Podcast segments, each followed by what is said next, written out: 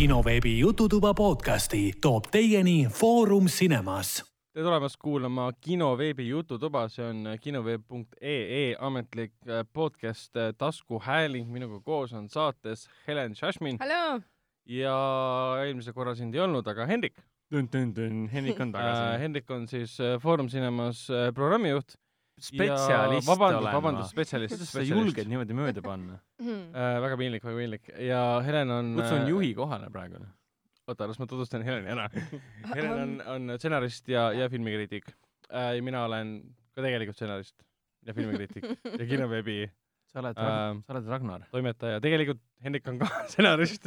ma kogu aeg seda valesti teinud, seda tutvustust teinud tegelikult, et me oleme hoopis midagi muud kui ainult need ühed, ühed tiitlid uh,. mida me veel mainime, enne kui me läheme edasi filmide juurde, mida me oleme nüüd möödunud äh, nädalal vaadanud, et um, kõik kinoveebi Jututoa saated on leitavad Delfi taskus, SoundCloudis uh,, Apple podcastis, Spotify's, Google podcastis ja enamustes no äh, podcast'i rakendustes, sest me saime ühe sellise äh, kommentaari, et ühes keskkonnas podcast'i kes-, Podbean äkki või?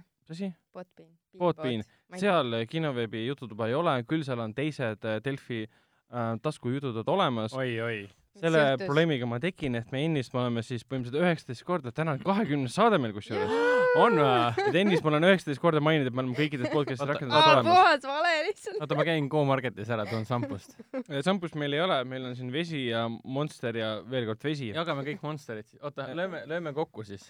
Te küll ei näe seda, aga me nüüd loome lööme kokku, sest meil on ka kahekümnes, kahekümnes Nii. saade. uhuu, kahekümnes saade, vesi ja äh, Monster. Nendest kahekümnest saatest mina olen äh, siis olnud äh, kõikides saadetes. aa. Helen on siis kõige suurem äh, puuduja ma tunnen nagu ma oleks Riigikogu liige. või siis, või siis äh, see on nagu klassi, klassi puudumine ka, et sa saad ju veerandi ühe, kui sa klassis liiga palju puudud või tundides liiga palju puudud. no mina siis ühte ei saa ja sina oled puudunud siis nüüd äh, ühe korra. ühe korra ainult jah? Et Helen on see kõige suurem äh, kaotaja või nõrgim lüli, võib öelda niimoodi, tsiteerides kuulsaid kus on, kus on tuuli, kui teda vaja on? tuuli.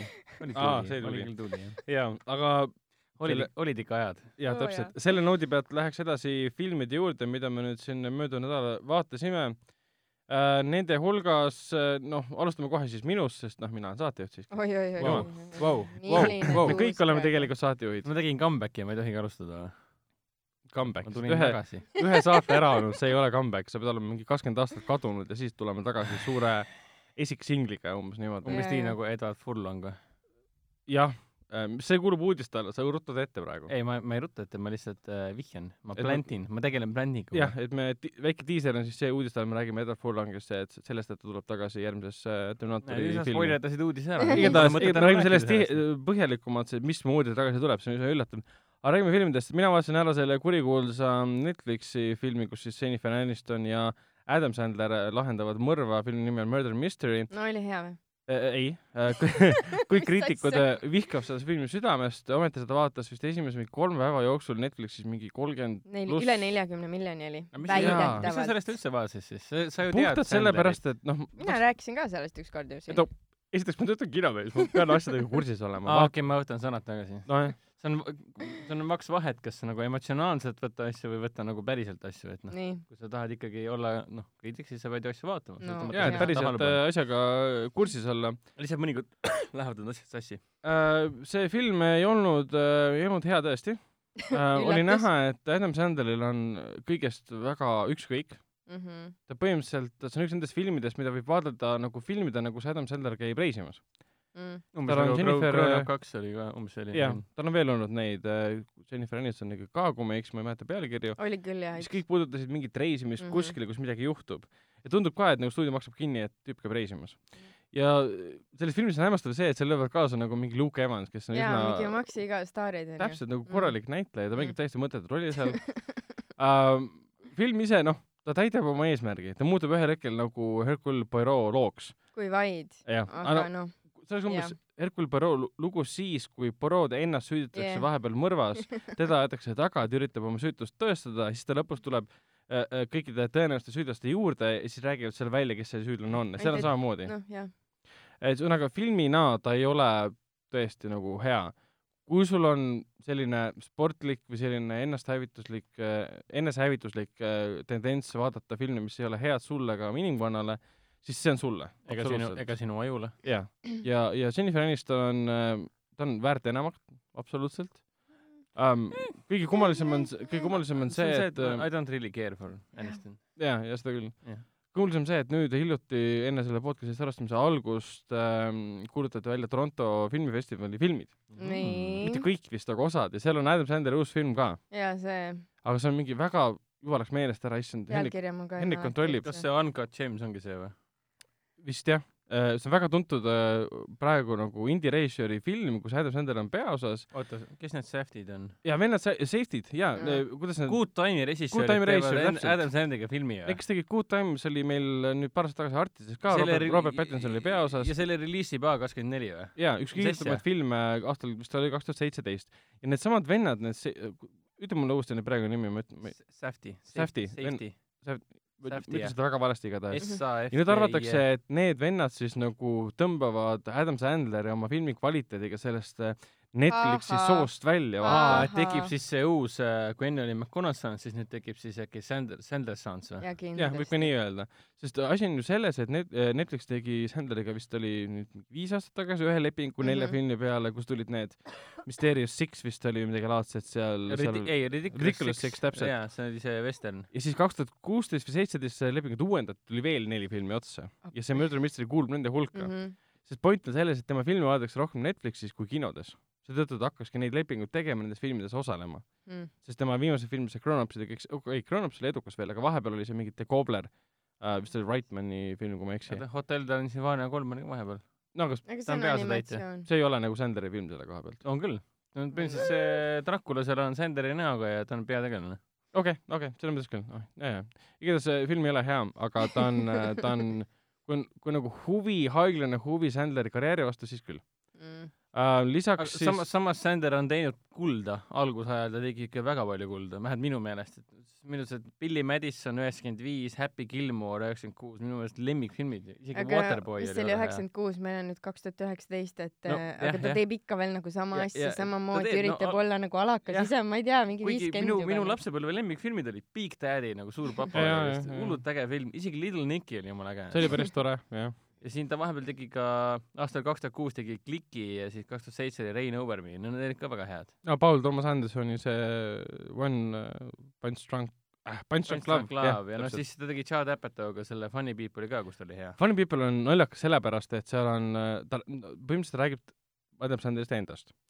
Ja seal ta mängib nagu suur-suur staari mm. äh, äh, ja kus, kus ta on nagu jõudnud karjääris punkti, kus ta mängib täiesti absurdsetes filmides. et a la seal on mingi film beebist, kellel on siis täiskasvanud inimese mõistus, kellel on see Adam Sandleri nägu, seal need posterid on nagu näha, et see on nagu staar on jõudnud sellisesse punkti. mis on irooniline, et see film tegi nalja võimalike tulevaste filmide üle. ja järgmised kümme aastat on just On Adam Sandler neid filme teinud nüüd. et see nagu, ta viis nagu täide selle, mida parodeeriti selles filmis.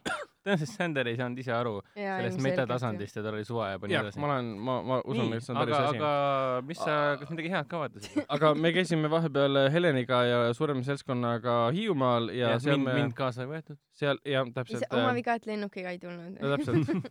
ja seal meil oli eh, nii-öelda kuraator, õudusfilmide kuraator Oh. äh,, žanrifilmide asjatundja, kes pani meile kokku kollektsiooni filmidest äh,. kõige tähtsamad neist äh, olid siis Barbershopi filmid, neid oli kolm tükki. Need ei, need ei olnud nagu õudukad selles ei olnud, aga, aga žanrifilmid.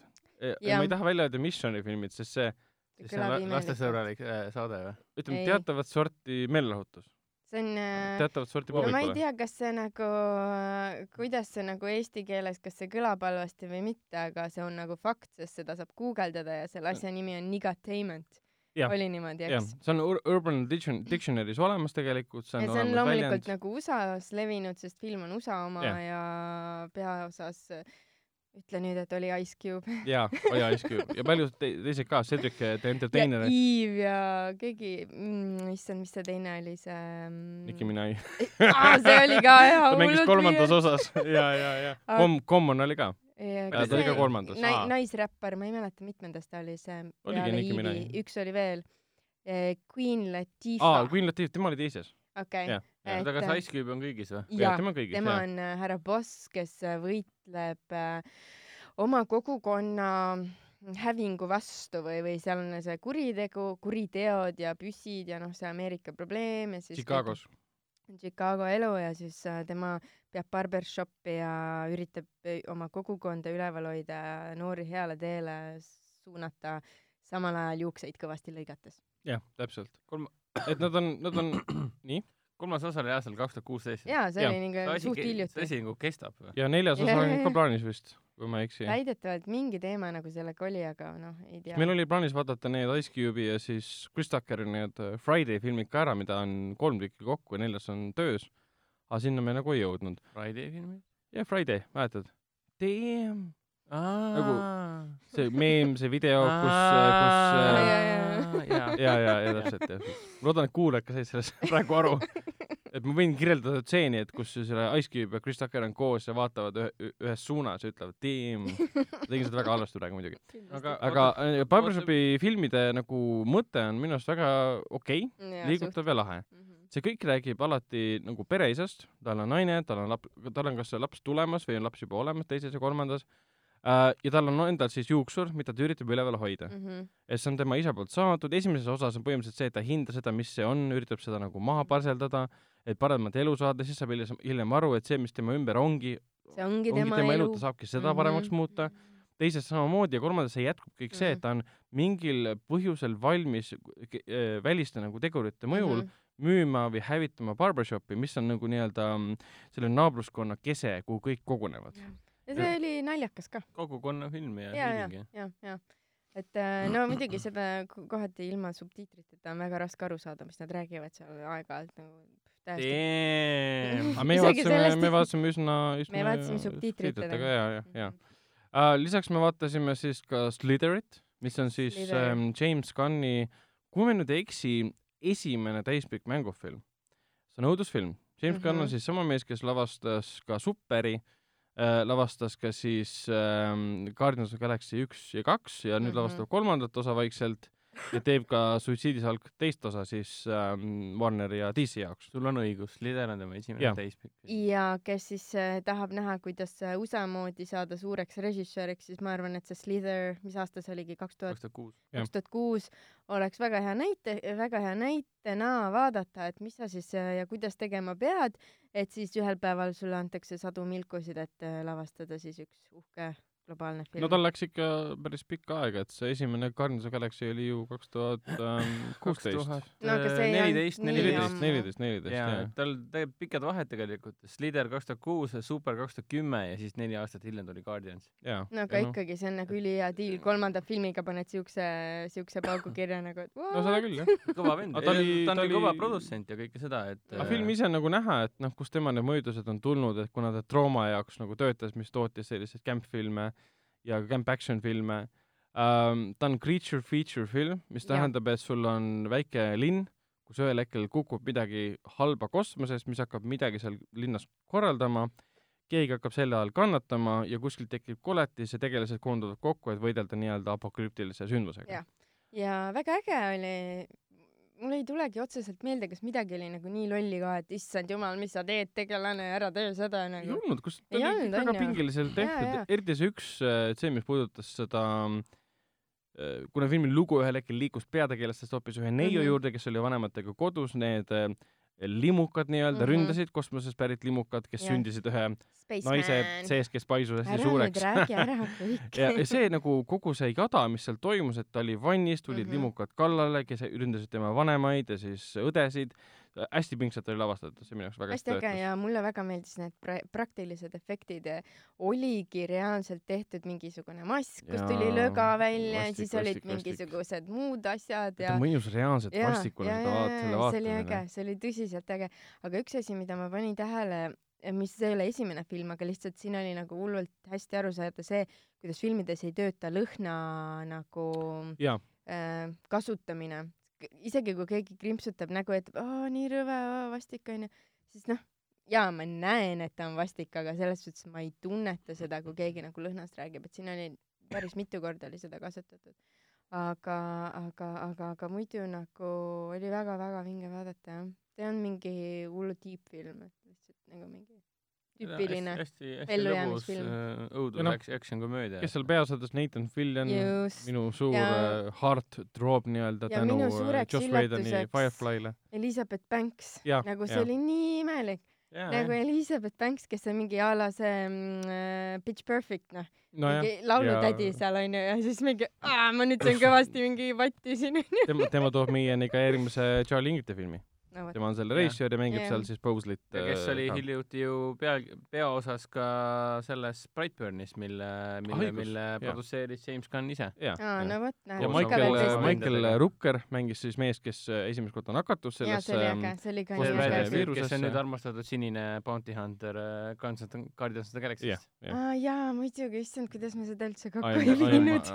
tema oli see äh, Mary Poppins siis sellest äh, teisest äh, Guardiansite filmist. äge, äge, äge vaatamine oli, ma väga soovitan seda. Slither, Slither, aga. Helen, mis oli meie viimane filmikogemus? no see on nüüd küll puhta oh, Toho Till, noh, selle kohta peaks ütlema. oi, kuule, meil on ikka, me rääkisime pikalt, me rääkisime pikalt, et see on väljend äh, Lõuna-Eestist ja see nii ongi Ah. ja selle, selle, selle hõiska tõi esile meie Youtube'ist leitav äh, Eesti film, mille nimi on Tulnukas ehk Valdise päästmine üheteistkümnes osas täpselt, aastast kaks tuhat see something, ikka kuus minu arust. oh need me aastaarvud. kohapeal arutasime, et oli viis, aga tegelikult oli kuus. jaa, et ta siis, ta sai selle, mitte BFM-i ei olnud toona, siis oli midagi muud. ta oli jah mingi teise kaks tuhat kuus, jah? jah, täpselt. ja siis ta hakkas liikuma, sai BF, BFM-i eellases nimetuse põhjal siis nagu valmis, mm. -hmm. siis ta jõudis FTP-desse, vanasti olid need torufoorumid ja toru FTP-d, kus inimesed tõmbasid filme alla, siis ta hakkas seal nagu kulutunnele liikuma, sellest sai nagu Eesti esimene nagu viral lühifilm, sest ta kestis ainult mingi kakskümmend mintse vist et jah, midagi isegi taolist. vähem või? ja see, kakskümmend kaks. see oli naljakas, see oli naljakas, et ta oli naljakas, sest äh, osad asjad on nagu põhimõtteliselt ikka veel nii, nagu need olid aastal siis ja, ja, ja, ja, ja ma ei tea, kuidagi sotsiaal, ühiskondlikult ja sotsiaalkriitiliselt ikka veel väga pädev film, nii et absoluutselt. ja ta, väga põnev. Võib-olla see Youtube'i variant lihtsalt ei õigusta selle filmi nagu sellist äh, võib-olla headust väga, sest see, ta ei ole nii kvaliteetselt üles Ma- laetud noh, sinna. jah. aga, aga ta on hästi tehtud, seal on noh, valgustus on olemas, režii on olemas, kõik töötab. ja noh, noored äh, muidugi, Märt Avand ja ja, Ott Sepp. ja seal on nii palju teisi näitlejaid, me kõik oleme nüüd ja, ja, tõsisemates rollides äh, näinud ja kuidas Jaa. nad ropendavad, südamest ropendavad.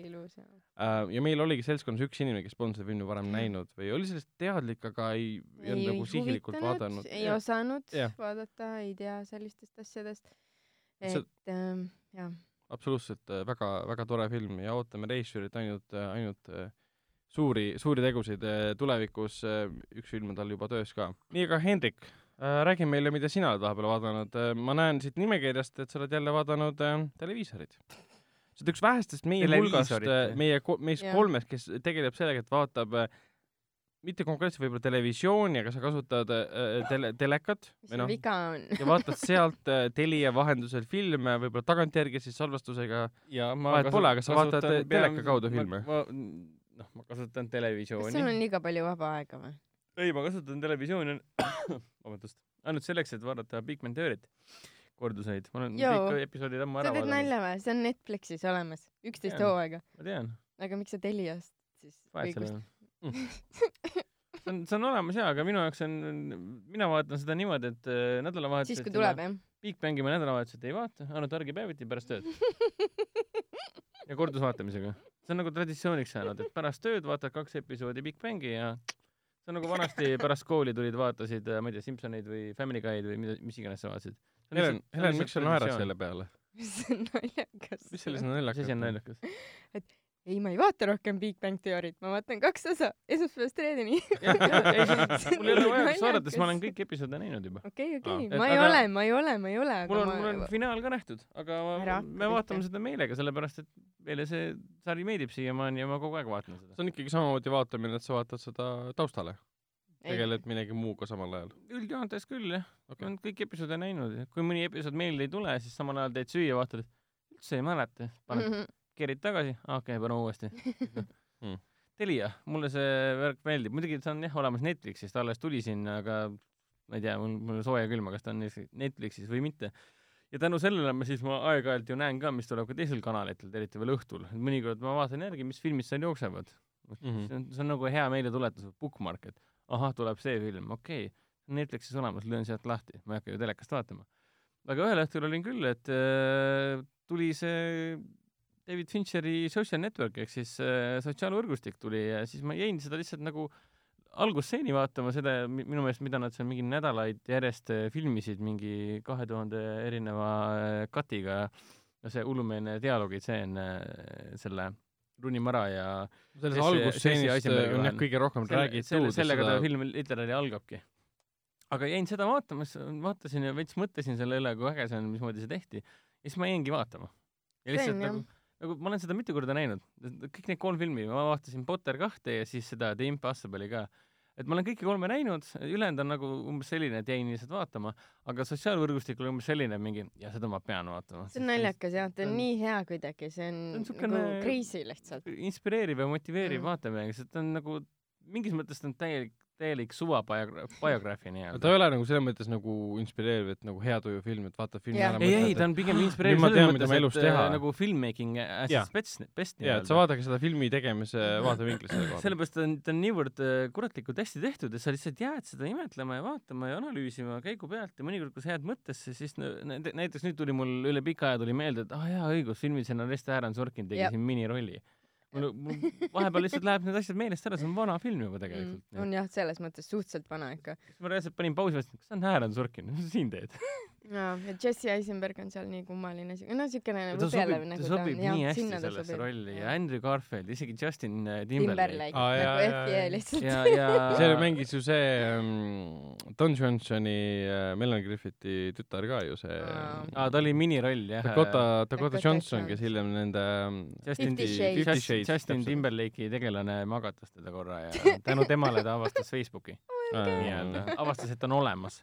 Nüüd me oleme muidugi, kõik muidugi need Facebookis. äh, Winkelmoss, Winkelmossid, Army, Arni, Army ja Hammer, Army Hammer. mõtlesin, et täiesti haruldane, et ma mäletan, kui see film tuli kinodesse, siis mõtlesin, et keegi, noh, keegi ei teadnud, kes on Army Mm. mm. Hammer, kui film kinodesse tuli Jaa, ja, ja siis nagu mul oli ka tollal nagu, mul on mul on meeles see tunne mingi, kas teda ongi kaks või? mis värk sellega on nagu? noh. see on lihtsalt nii usutav.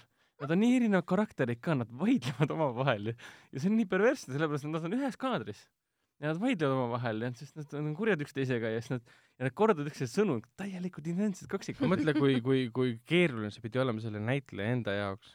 no et ta istub kaadri ühes pooles, teeb oma rolli ära, siis nad teevad uuesti täpselt sama kaadri, aga ta istub teises pooles ja räägib siis teise vennana mängib. tõenäoliselt tal on kõrvaklapid ja siis on playback tehakse talle, et ta teaks Jah, täpselt, kust alustada ja nii edasi.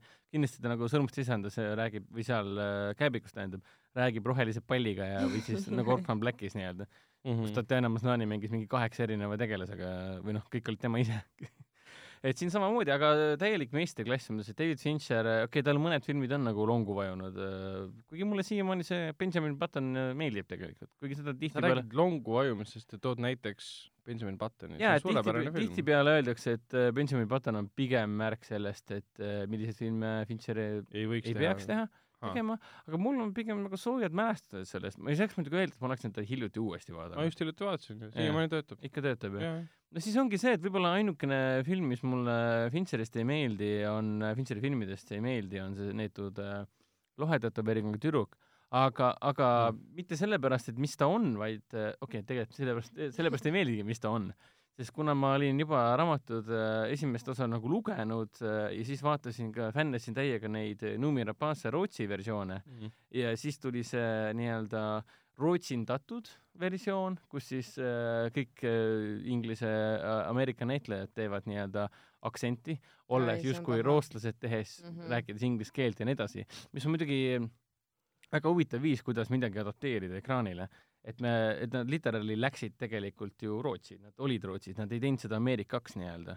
kuigi noh, tegelased rääkisid rootsi no, aktsendiga no täpselt, see on umbes nii, et vaatad, vaatad ajaloolist filmi Nõukogude Liidust ja siis äh, kõik järsku räägivad sul briti aktsendiga, mis toimub. äkki, äkki on aeg lõpetada. aga noh, see no- mind väga ei häirinud, pigem mind aga see häiris oli üks seriaal, tegi nii no,, Tšernobõl, aa, see on, see on no Chernobyl on hea näide jah, et see Kõik Fincher, Fincher tegi sama asja, mis Chernobyliga, et kõik on puha ameeriklased ja britid, aga räägivad äh, nagu aktsendiga. aga sellest sõltumata sotsiaalvõrgustik jääb ühest, üheks parimaks nii-öelda, mis ta, mis ta teinud on. täiesti lummav vaadata, isegi Andrew Garfield nagu, nii äge, kuidas nad omavahel tülli lähevad mm. Ja kuidas teda äh, käru keeratakse ja kui emotsioonseks lähevad ja siis kõik need äh, visiitkaart ka, mis ta endale tellis, et äh, bitch. et noh, lummav vaadata, kaamera liigub, nagu lendab lihtsalt ja siis see kurikuulus äh, see tilt shift'iga, shift'i meetodil filmitud mm. see, kes see, kes see muusika, helilooja nüüd oligi? Mm. sa mõtled see In the Hall of the Mountain King äh, jah, jah, lugu? jah, jah, jah. Hästi kuulus mingi Norra, oli vist Skandinaavia he- helilooja. see suur episood, kus siis need vingeloosid sõidavad ja sõidavad, sõidavad ja siis nad arutavad seal oma paatidel ja ometigi jäävad teisele kohale, et noh. ja lihtsalt tulevad mõned, pikk film ka ja siis tuleb mingi pikk vahepala, lihtsalt, lihtsalt, lihtsalt näidata seda, kuidas vingeloosid kaotavad. ainult, ainult episoodi point on selles, et nad kaotavad ja siis lõpus otsustavad, et kurat, kaebame kohtusse. Et Mm. enne seda nad ütlesid, ei, ei, ei, me oleme ikkagi Harvardi härrasmehed mm, -hmm, et meil on meil on koodeks, me ei kaeba kedagi kohtusse, me ei laima kedagi ja nii edasi. aga vägev film, selles suhtes on täiesti, täiesti erutatud. see oli Edward Grieg. vot täpselt. aga siis ma vaatasin ka Potter kahte, lihtsalt sattusin peale ja jäin nagu vaatama. kuna ta on lapsepõlve lemmik, siis oli täitsa mõnus teda üle pika aja äh, ära vaadata, et see nagu oli siis Harry Potter ja mm, Saladuste kamber. Saladuste kamber äh, ja see oli siis Chris Chris Columbuse Columbuse teine Potteri film. üksinda kodus režissööri Chris Columbuse teine ja viimane film, seal, kus siis Daniel Radcliffe ja tema, tema kaaskond oli veel parajad nublud tegelikult, kolmandas nad juba olid märgatavalt suurenenud või noh, tegelikult sul ongi, kui sa lastega, lastega filme teed, siis on, see on keeruline jah. paned mingi kaks kuud juurde mingi vau wow,, mis ju sa kasvasid juba või? nagu Stranger Thingsis mingi, tuleb teine hooaeg välja, vau. mis, sul, sellel poisil polnud enne seda Aada Mõuna nähagi ju. nüüd järsku on mingisugune, mis toimub noh. jah, see aga, oli kolmandas aga tunda. täielik nostalgia laks äh,. mul, mul siin õelaps ka just praegu mainis, et äh, ta ju vaatab ka praegu kõiki, kõiki Potteri filme läbi äh,. ta on üksteist ja, ja ta polegi varem näinud äh, vist kolmandat ja neljandat, et nüüd ta neljandat praegu just vaatab nagu praegusel. mis keeles ta mitte praegusel momendil muidugi. tal on, et eesti, inglise? ma arvan, et tavaline Eesti subtiitritega okay.. okei, lihtsalt mõtlesin. Selles suhtes, et äh, ta ütles ka, et kõik väga meeldivad ja kolmas meeldis väga, et noh, samas on nii tore vaadata, kuidas, kuidas Alfonso Cuaron tuli ja siis muutis äh, Harry Potteri filmi, filmi, filmi looki, kogu filmi visuaalsuse täiesti kardinaalselt ära, ehk siis lapsepõlv on läbi. et Mm. võrreldes Chris Columbuse niisugune Happy Jolly jõuluteemaga või Mm. niisugune asi, mm.. see nagu muutus täielikult niisuguseks.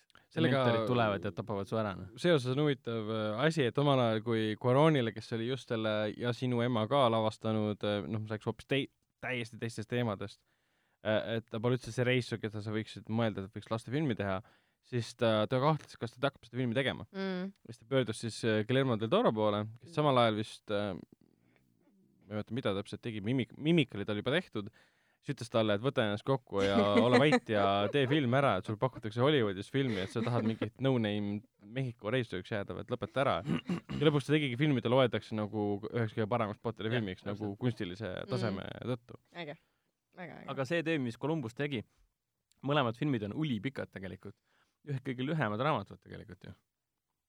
esimene Potter ei olnud üldse paks raamat. pisikene junn. Aga minu meelest, ma ei mäleta praegu peast, aga esimene osa oli üle kahe tunni pikk. ja ta nagu, see on näha, kuidas nagu Columbus täiega armastas seda Rowlingu loodud maailma, et ta nagu igast detailist haaras kinni ja lihtsalt nautis seal olemist nii-öelda. Nad olid muidugi sissejuhatavad filmid ka, et Jaa, ülesanne oligi muidugi, seda jaa. pikalt äh, kujutada aga- pigem. natukene, natuke oli see, et nagu vaatasin seda lõppu, kuidas ta läks sinna basiliski juurde kaklema ja nii edasi ja siis nagu nagu täiega häirisid mõned asjad nagu, mille järgi saad aru, et noh, kurat, see on ikka lastefilm. et kui nad lähevad selle Mäokova Mörteli Mm. mm. juurde, saavad teada, mis tal värk on, siis ta teeb oma, võtavad selle Gilderoy Lockharti pantvangi, pärast, kuna tuleb välja, et ta on pettur, spoiler, Äh, ja siis nad tahavad sinna alla minna, et siis äh, poisid kätte saada, ehk siis WC-s pidid ussi keeles äh, ütlema midagi salasõnu ja siis WC avaneb lahti mm, -hmm, nii et mhm. saad alla hüpata. ja, siis ma vaatasin ka, kuidas need nagu väiksed lapsed ja täiskasvanud mees lihtsalt hüppab pimedasse auku, kukub paar meetrit ja kukub jalad ees vastu luude hunniku, ma mõtlesin, Jeesus, te olete puudega või? saate surma lihtsalt, mida te teete? jaa, tegelikult küll, jah. ja siis lõpus ka ta võitles seal ära rahulikult, noh, kõik on hästi klassikaline, et noh, see tuleb see Phoenix Fox ja annab äh, kõik vahendid kätte, millega võidelda. see on see Deus Ex Machina, et lihtsalt lendab kohale, et näe, siin on mõõk, millega helistada on, see on reeglite kohaselt nagu kõik on nagu okei okay.. aga siis hästi lahe on vaadata seda, et see CGI on väga hästi aegunud. mõtlesin, et nägi ikka veel normaalne on, välja on, või? on see õige sõna, et aegunud hästi või? No säili- ajale vastu pidanud. Hästi. säilinud, selles mõttes, et äh, ta on niimoodi filmitud, et ta ei jääks mulje, et ta oleks CGI mm.. Mm. ehk siis teisisõnu, nad kasutavad seda ainult siis, kui ta on mõistlik kasutada. ja siis kõik lähivõtted, nii tore oli vaadata, kuidas Daniel Radcliffe võitleb tohutu suure, päris praktilise peaga. Mhm. aga natuke oli naljakas see, kuidas need vanasti neid äh, filme tehti, kui siis väike poiss suure raske mõõgaga on turnib kuskil ja siis samal ajal on tohutu suur basilis, kes on küll pime, aga noh, kuuleb küll väga hästi ja nii edasi. Ja haistab ka, tal on ju keel ja puha. ja kuidas ta nii aeglaselt ja rohmakalt lihtsalt lööb kuskile, ta on meelega hästi aeglane, siis väike poiss saaks teda lüüa. ja, ja, ja. muidu ta on niivõrd okei, kiire okei, okei. susib ringi Mm. mööda äh, selle sigatüüka äh, sulgitorusid ja puha, siis nüüd on umbes niimoodi, et nüüd ma näen aeglane, et sa saaksid mind aga nagu lüüa sa ütlesid, see on praktiliselt tehtud lähivõtete jaoks, sa ei saa kiiremini liigutada tänapäeval seda arvutiga tegelikult ja siis, kiiresti. mis teine asi, mis silma jäi, see, kuidas, kuidas, kas sa mäletad seda, mismoodi nad pärast hästi õnnelikult ja rõõmsalt äh, pärast Basiliski surmamist äh, sealt alt katakombides või noh, seal Basiliski äh, katakombides välja said või? ei, aga ma arvan, et sa ütled mulle. Äh, mõtlesin, imestasin ise ka, et seal oli, kes seal all oli, meil oli Ginny Weasley, meil oli Harry aa Potter jaa, ja jaa, Gilderoy Lockhart ja, ja siis Ron Weasley ka. ja kõik need neli inimest lendasid, hoidsid üksteisest kinni ja neid äh, aitas sealt välja, hästi pikalt lendas äh, seesama Phoenix, kes on neist nagu väiksem lind. ma mõtlesin, ma saan aru, et maagia, aga kurat, sul on neli inimest hoiab sul käpas kinni ja sa lend-, lendad välja. see on ikkagi maagiline maailm, kus sul see fööniks ühel hetkel aru, põleb jaa. ära ja sünnib uuesti. lihtsalt nagu tekitas tunne, et vau, that's is your way out nagu. aga need olid nii kerged lapsed lihtsalt. no vot noh, ja see on, ja see on film, kus nagu basilist liigub mööda mingit kanalisatsiooni, kui suured need torud seal üldse on siis nagu ma mõtlesin ise sama, et palju need, see, palju need lapsed seal siis toodavad tegelikult. no täpselt, see on see ainuke film, mis on üldse rääkinud sellest, et äh, või hoopis teine film, mis on rääkinud sellest, et mismoodi toimub äh, sigatüüka koolis ähm, kanalisatsioon ja WC-s käimine. jah, et kus lapsed nagu käivad ja kõik see, et kuhu, kuhu see kõik voolab, kas sinnasamasse järve, kus neljandas osas tulid need kaarikud välja, kui hakkas see kolme ei ma arvan, et järve mitte, turniir ega, ega, toimuma. ega nad ei reosta siis, aga, aga see oli magic, see lihtsalt haistub, come on. see on ja siis samamoodi ka see, et kas, kas, kas, kas see basilisk ise muutus siis väiksemaks vahepeal, et liikuda mööda sulgitorusid või? no jaa, See ega see lammingut nii-öelda. noh, Aga fekaalid ei jookse seda, seda vähemalt filmis, viie ma ei, ma ma ei mäleta raamatut, aga filmis kordagi ei mainitud seda, et ta muudab oma kuju või midagi taolist. Tohutu suur elajas. nii, aga siis ma sattusin, minu meelest kohe pärast Potter kahte algas, mis ta, oota, mis sa tegid mingisuguseid selliseid binge vaatamist nagu? põhimõtteliselt küll, oli lihtsalt teleka ees niimoodi õlutud pilguga mingi, ahah, Potter kaks. Vau, see on siis ütlesin, mm. aa, see on selle Jurassic, Jurassic, Worldi režissööri seesamune Jurassic World kahe Fallen Kingdomi režissööri see Impossible. aa, vaatan selle ka ära. Jutt, Juta Bayona. Jota Bayona ehk siis Juan Antonio Garcia Bayona. sama mees, Äh. kes tegi siis selle vene Monster, Monster Calls'i. Monster Calls äh,. kes nüüd palgati lavastama Amazoni Sõrmute isanda seriaali, Jah. millele palgati esimene näitleja. mingi Austraalia tšikk vist oli. jah, kes mängib äh, tegelase nimega Tyra, keda ei eksisteeri Tolkieni legendaariumis. nagu Tyra Banks või? umbes nii. ja see tekitab palju küsimusi, kas see on uh! nagu placeholder nimi, ehk siis see lihtsalt praegu, kui võib lekkida, siis kasutab võltsnime, või see on päris nimi, mis tähendab seda, et nad leiutavad Tolkieni legendaariumisse, Jah. kus on väga palju tegelasi, väga palju nimesid, uue nime. ma pigem pi- peatuks hoopis sellele, et äh, kas, kuidas seda kirjutaks siis, D-Y-R-A või Jah,? jah. ehk siis nagu Tyra Banks. ehk Ok. siis kuida-, kuidas eestlased ütlevad Tyra Banks? ah, mine. see on see poor choice of names nagu, aga Impossible ma nägin, mäletan seda, et ma vaatasin seda vennaga koos, võib-olla sina olid ka, ma ei, ei ma mäleta ei, mul ei tule küll seal mängib ju noor Tom Holland. ta oli seal äh, mingisugune neljateistaastane äkki. ikka väga alakas. aastal kaks tuhat kaksteist oli see film tehtud. peaosades Naomi Watts, Ivan McGregor ja Tom Holland. Bayona lavastas äh, väga ta on hullult moosine äh, siirupine äh, roosamanna katastroofidraama selles mõttes, et ja ta on sellest Tai ähm, maavärinast, mis ta jah, ookeanis. see on selle India ookeani, kahe tuhande neljanda aasta India ookeani maavärinas, millest tekkis räme-räme tsunami, mille tõttu suri ju mitusada tuhat inimest reaalselt, see oli Mm. kõige suurem ma mäletan, katastroof see juhtus, see oli ikka kohutav. Ma mäletan siiamaani, kuidas ma jälgisin uudiste vahendusel, kuivõrd masendav see kõik oli.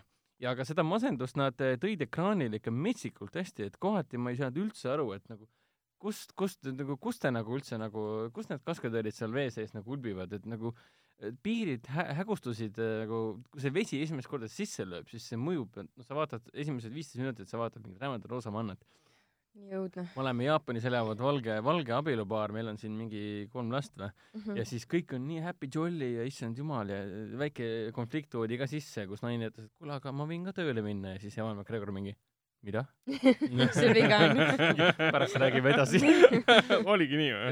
see see on see pea- peamine konflikt, et muidu ta on roosamanna film, aga kui sa tahad näha nagu äh, üliefektselt tehtud ja nagu likeable või noh, vabandust meeldivate tegelastega, kelle sa saad kaasa tunda katastroofifilmi, siis ta on nagu täielik äh, löök kõhtu selles suhtes mm. Mhm. -hmm. mõttes, et see, mismoodi see loodud on, see ellujäämine pärast seda esimest-teist lainet, see on ikka metsik ja mismoodi, kui füüsiliselt sa nagu näitlejad ise on ka füüsiliselt niivõrd kurnatud, et see on haige lihtsalt. ei ma, ja ma mäletan jah, see mulle, oli mulle ta tõesti ikkagi, suurepärane ikkagi väga meeldib, et mõni ime, et see Impossible on tegelikult ju väga hea äh, projekt, mille põhjal äh, edasi hüpata näiteks äh, Jurassic World äh, Fallen Kingdomile. et see, mismoodi ta äh, lavastab mm.. antud juhul me ei saa loost rääkida, pigem, pigem on ta väga hea lavastaja, ta umbes nagu Michael Bay on väga hea lavastaja, lihtsalt ta, tema ei tohiks mitte kunagi niisugust asja nagu stsenaarium või story näha, vaid keegi teine peaks seda tegema siis saaks ta nagu kontrolli alla kuidagi, et ta teeks häid filme. Aga, aga, aga rohkem, rohkem ma ei vaadanudki midagi, korduseid no.. päris okk ikkagi. aga ometi me käisime kinos. ei või olla. Kes see kinos käib enam? näiteks, näiteks eelmisel nädalal alustasid kinod sellised filmid nagu Lõvikuningas, Tehisema, Lubatus koidikul. ja meie vaatasime neist ära kõik. Lõvikuningas, nii eestikeelse kui inglisekeelse variandi Tehisema, Lubatus koidikul, kui ka Hendrik tahab rääkida meile Parasiidist, millest me rääkisime eelmises saates Mhm. koos aga ma äh, väga palju ei räägi, ma lihtsalt kiidan takket no kiida ära siis kas me alustame kohe Parasiidist? me eelmine saade juba rääkisime sellest jah? jaa, ei ma kuulasin teie saate ära, te ju mind ei kutsunud saate. oo jaa, jah just nii see oligi täpselt. aga mida sina arvasid siis Yoon Ho-Bongi Parasiidist, mis võitis Cannes'i filmifestivali peaauhinna, ehk meile- palmioksa. täpselt, mis meile siin kõigile kolmele, kes eelmises saates olid, väga meeldis. kui kasutada nilbeid väljendeid, siis eh, täielik amazeballs selles suhtes nagu. okei, ütleme nii, et ma ei teadnud ju filmi kohta mitte midagi tegelikult, ma teadsin seda, mis, milles see kontseptsioon seisneb. ja ma teadsin, et ma lähen vaatan äh, Junho Bongi filmi. ehk siis noh, minu jaoks sellest piisas, Bongil, ma olen, ma vaatasin ka, et ma olen tema kolmandat teistpikka filmi näinud ja esimest kahte ei ole näinud ja Okiat ka ei ole. Ehk siis kogu tema filmograafias ma ei ole näinud mis tema esimesed kaks filmi olid? Need on mingid X-nimed, mida ma ei ole kunagi, kunagi tutvunud isegi nendega. Parking Dogs Never Bite. see oli ka tema kolmas film, tal on kaks tükki seda veel me. oleme näinud. jaa, ma tean, seda olen Aa, jah, näinud aga esimesed kaks ja Okiat pole näinud, aga muidu ma olen ka tohutu Bong, Bongi fänn, sest see tüüp lihtsalt nagu kui on üks lavastaja, noh, John Walk Park on ka muidugi Kim John Aga-. John Dong Lee ka muidugi, aga see, noh, okei aitab küll. Aga Bong on lihtsalt see, et kui, kui tema nagu võtab kätte mingi, mingi draama, ta teeb üldjuhul draamasid Mhm. ju nüüd, okei okay,, tal oli vahepeal räme, räme dramaatiline film nimega Snowpiercer ka Jah. yeah., millest tuleb teleseriaal, aga lihtsalt kui tema võtab kätte draama, siis ta lihtsalt, ma vaatan, et nagu tal on mingi teine, teine aju või mingi, mingi teine arusaamine, kuidas, mingi teine maailm üldse, kuidas, kuidas ta üldse eksisteerib, et tal on mingi paralleeluniversum, mis ta tegeleb vist. ükski teine lavastaja, keda filmi olen vaadanud, ei, ei, ei suuda nagu niimoodi mõelda minu meelest või ta nagu täiesti hämmastav on vaadata nagu kõik algab nagu rõõmsalt ja nagu toredalt ja kelmikalt ja nii edasi, sa näed, et kuidas see asi väljub aina rohkem kontrolli alt, aga samas on ta aina rohkem kontrolli all nagu ja, ja lavastaja poolt. täpselt, ta on ikkagi piiride sees läbimõeldud, tark. kalkuleeritud, kõik siuksed ja nii asjad. kerge oleks nagu lappama minna sellega, nii kerge Aa, oleks jah. kõik nagu, kõik nagu doominokivid lihtsalt laiali virutada sellega, et sa kuskilt läheb, hakkab kuskilt vett läbi jooksma ja nii Mm. edasi. aga ta on lihtsalt niivõrd pingeline, niisugune ühiskondi, ühiskonna kriitika üks asi, perekonnadraama äh,, põhimõtteliselt nagu seislused ka mingis mõttes, noh, kes Mm. on ül- ülemklass ja kes on alamklass ja nii edasi, et nagu lugu lihtsalt sellest, kuidas üks perekond äh, parasiitlikult äh, smuugeldab ennast ühe rikka perekonna abilisteks nii-öelda, ühelt poolt oli see hullult naljakas oli küll jah, oli täiega. kogu seansi ajal lihtsalt naersin, et nagu täiesti, täiesti crazy, aga ühel hetkel, kui see, no ma isegi ei hakka, ma ei tea, kas te mainisite siin midagi, spoilerit ka väga mitte ei ma isegi, ma isegi ei ütle, mida see spoiler, noh, jah, igatahes kui see, kui asi poolest filmist nagu täielikult muutub, siis ma olin nagu täiesti puuga pähe saanud. seda ma ei oodanud, kas teie ootasite seda? Õnneks õnneks ei, ei osanud nagu teatud asju oodata, et no pigem oli algus see, kus sa nagu vaatad, et ahah mm -hmm, mm -hmm, okei okay., aga tal oli jah, see oma, omamoodi lähenemine, omamoodi siukene loo jutustamine ja tõesti nagu need twistid ta väänas teistpidi, tagurpidi, ümber ja üle igatpidi, et selles suhtes oli tõesti äge, et ma ei ennustanud ette, mis jaa, tuleb nagu minu jaoks oli tõesti võimatu aru saada, et midagi sellist üldse juhtuda võib ja kuhu see välja viib Mm. millega film lõppes nagu. ja siis see viimane ülitraagiline Spoiler? see tseen ka veel, noh, see ei ole nii spoiler, et see on umbes sama traagiline kui see äh, Jean Vaug Parki Oldboy lõpp põhimõtteliselt, kus ta teda hüpnotiseeris seal. jah, umbes selline. ma vaatasin ka seda, et aa okei okay,, no see oli etteaimatav, et see juhtub sellisel kujul, aga ta ikkagi mõjus umbes selline nagu Mm. keegi peksaks sind lihtsalt rusikaga kõhtu, et noh, see on emotsionaalselt nii, nii mitte kurnav, vaid ta lihtsalt ta nagu see on see Bongi stiil, et sa vaatad nagu peredraamat ja ta on ühelt poolt räme krimi, räme psühholoogiline kasiiremäng, siis ta läheb nagu täiesti pervers-, ei, ei, aa okei okay,, natuke läks natuke läks ja natuke läks õudusesse ka, mis Jaa, oli väga nagu- huvitav nagu. et see üks film suudab pakkuda igale filmihuvilisele midagi, et kes on ainult õudukate fänn, mine vaatama mm. -hmm. kes tahab, ma ei tea, romantilist komöödiat, mine vaatama et noh, põhimõtteliselt kui sa tahad näha, draama, sotsiaalkriitika, kui sa, kui sa vaatad kõiki triller. filme, mis ja sul pole erilist eelistust, siis see film on perfektne sulle Mm. ja see, et ta on Lõuna-Koreast ja kõik on lõ- Lõuna-Korea, korea keeles vabandust, see ei ole mingi, see ei oma mitte mingit tähtsust selles suhtes, et see on minu meelest se- selle aasta üks parimaid filme, mis ma näinud olen. jah, olen isegi Et nagu- sellega täiesti, ma ma tahan seda kiiremas korras uuesti vaatama minna, et noh, pikkus oli ka kaks kakskümmend üks äkki või? ta oli korralik, aga ta ei andnud üldse endast tunda väga. ta oli enne läbi, kui ma aru sain, et see läbi mis asja nagu. jah, nii, nüüd läheme uuemate filmide juurde ja esimene neist on siis Lõvikuningas, mida me vaatasime siis äh, päev enne äh, taskuhäälingu salvestust. Hendrik vaatas mis seda, mis nüüd mõttes. vaatasite? ma ei, ma, ei, aa, Vind vaatas ka õigus, sorry, sorry sorry, okei, vabandust, vabandust, käisime koos kinos ja siis äh, läks meelest ära, et mina olin ka seal. ma käisin täna, ma käisin täna teist korda vaatamas. sa käisid siis salvestuse päeval uuesti vaatamas eestikeelset varianti. Aga räägimegi kohe võib-olla sellest, mis vahe on eestikeelsel ja ingliskeelsel äh, variandil äh, sinu jaoks, olles kahe erineva päeva jooksul näinud kahte erinevat jah, versiooni. et eile, eile õhtul, eelmisel päeval vaatasime siis inglise keeles ja siis täna äh, vaatasin eesti keeles ja imelik on see, et ähm, me saame muidugi pärast rääkida, mis, mida, mida see film tegelikult endast kujutab, milliseid probleeme ta tekitab nii-öelda võrreldes üheksakümne neljanda aasta esialgse animatsiooniga, siis üllataval kombel on see, et äh, kõik need Marko Matvered ja Mait Malmstenid ja Kalle Sepad ja nii edasi, minu meelest eesti keeles film töötab palju paremini kui inglise keeles, mis on nagu väga imelik asi, sest ma olen alati olnud see tüüp, kes äh, läheb, otsib neid ingliskeelseid animatsiooniseansid üles ja läheb neid vaatama. kuigi antud juhul see film ei ole animatsioon, ta on noh, ta, ta on ta on nagu live tegelikult? action film Jaa. tegelikult, ta on mängufilm, aga samas isegi IMDB-s on kirjas, et ta on animation. sest ta, mida ta ongi, ta sada protsenti No, fotorealistlik, siis computer generated äh, animation. ta ei mahu klassikalise animatsiooni, mida me mõistame animatsiooni all nagu Jah. raamidesse. ta pole samamoodi animatsioon nagu Lemmikloomasalane elu kaks.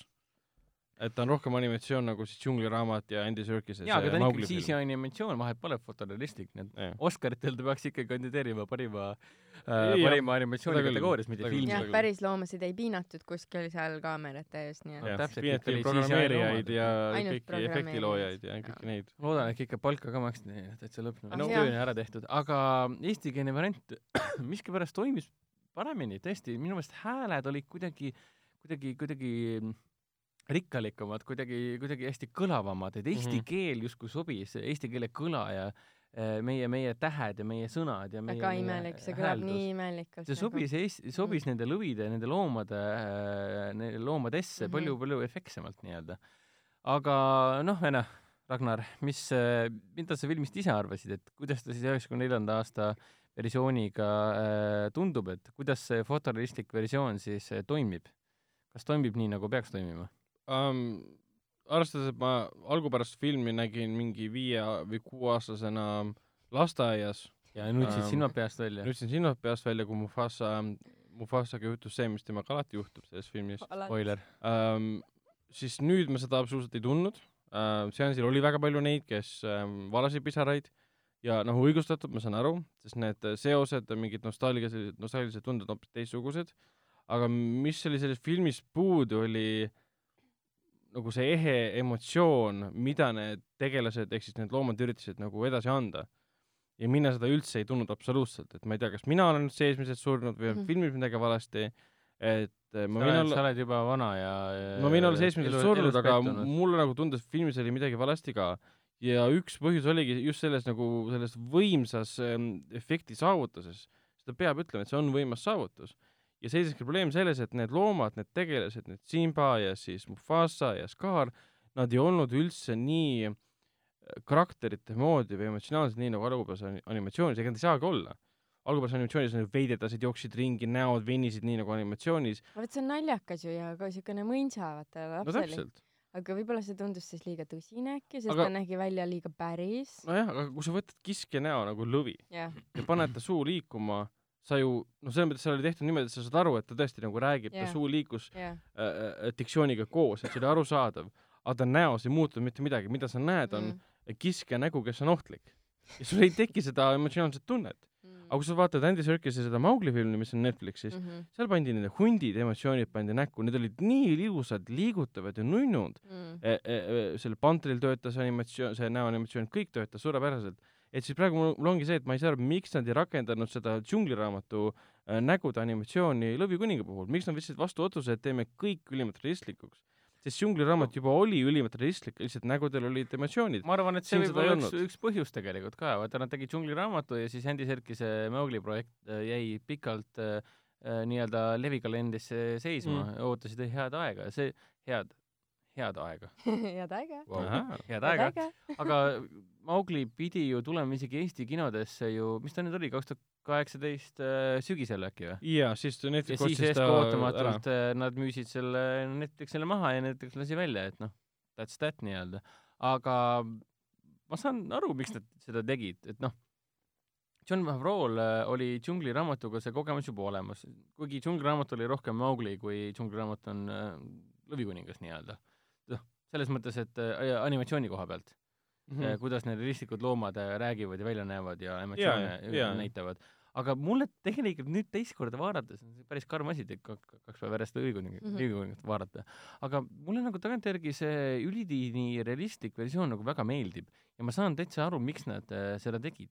see ei tähenda, et film toimiks sama hästi kui äh, eelmine, see esialgne originaal, sest ta ei toimi lihtsalt sellisel kujul aga mulle meeldib tegelikult see, et nad jäid nagu endale kindlaks, endale ausaks ja otsustasid justkui, ma pigem nimetaks seda filmi eksperimentaalseks äh, Disney mingi eksper-, eksperimendiks põhimõtteliselt, et nad otsustasid ühel hetkel, et teeme üdini realistliku ja jääme selle juurde ja kui lõvi räägib, siis äh, koon nagu koon avaneb, suu avaneb, aga ei ole seda, et järsku hakkavad põsed liikuma inimlikult ja, ja nii, sest edasi. loomal ei liigu äh, lauseid, inimese nagu laused välja öeldes suu täpselt, koon samamoodi. ja see on päris äge, kui see suur Mufasa räägib oma pisikese põnni Simbaga enne, kui Mufasa jah, juhtub asju, siis äh, sa Mm. näed ka, kuidas vaata lõvil on see suu on äh, lakkamisi seal filmis kogu aeg lahti, jaa, natukene paokil ja siis need suured huuled, vaata ei ole niimoodi, et huuled on kinni, Mhm.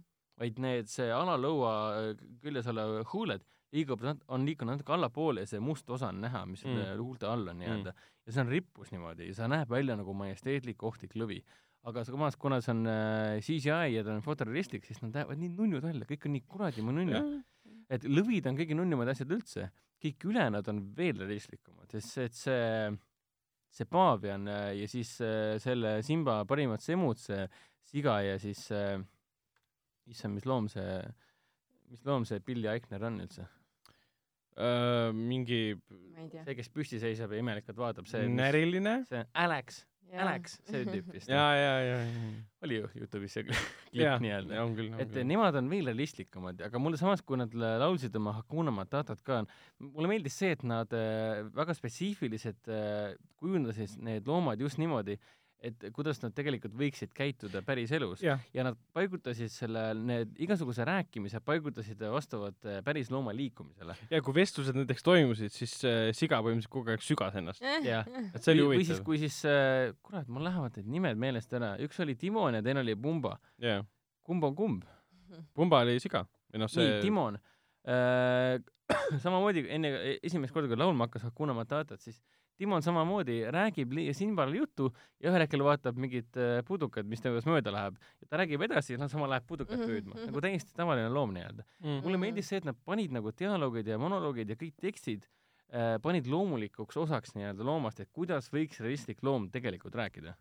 realistlik loom, kes kõlab nagu Beyonce Billy, Billy Knowles. Eichner ja Seth Rogen. Või nagu Beyonce. Knowles. et Nalat mängis ju Beyonce ja Mm. mm. siis ähm, Childish Gambino ehk siis Donna Glover mängib siis äh, Simbat jah, ja Seth Rogen mängis siis Põrsast ja ka mulle tunduski, et need dramaatilisemad hetked töötasid minu jaoks palju vähem Mm. kui need, mis olid naljakad kohad.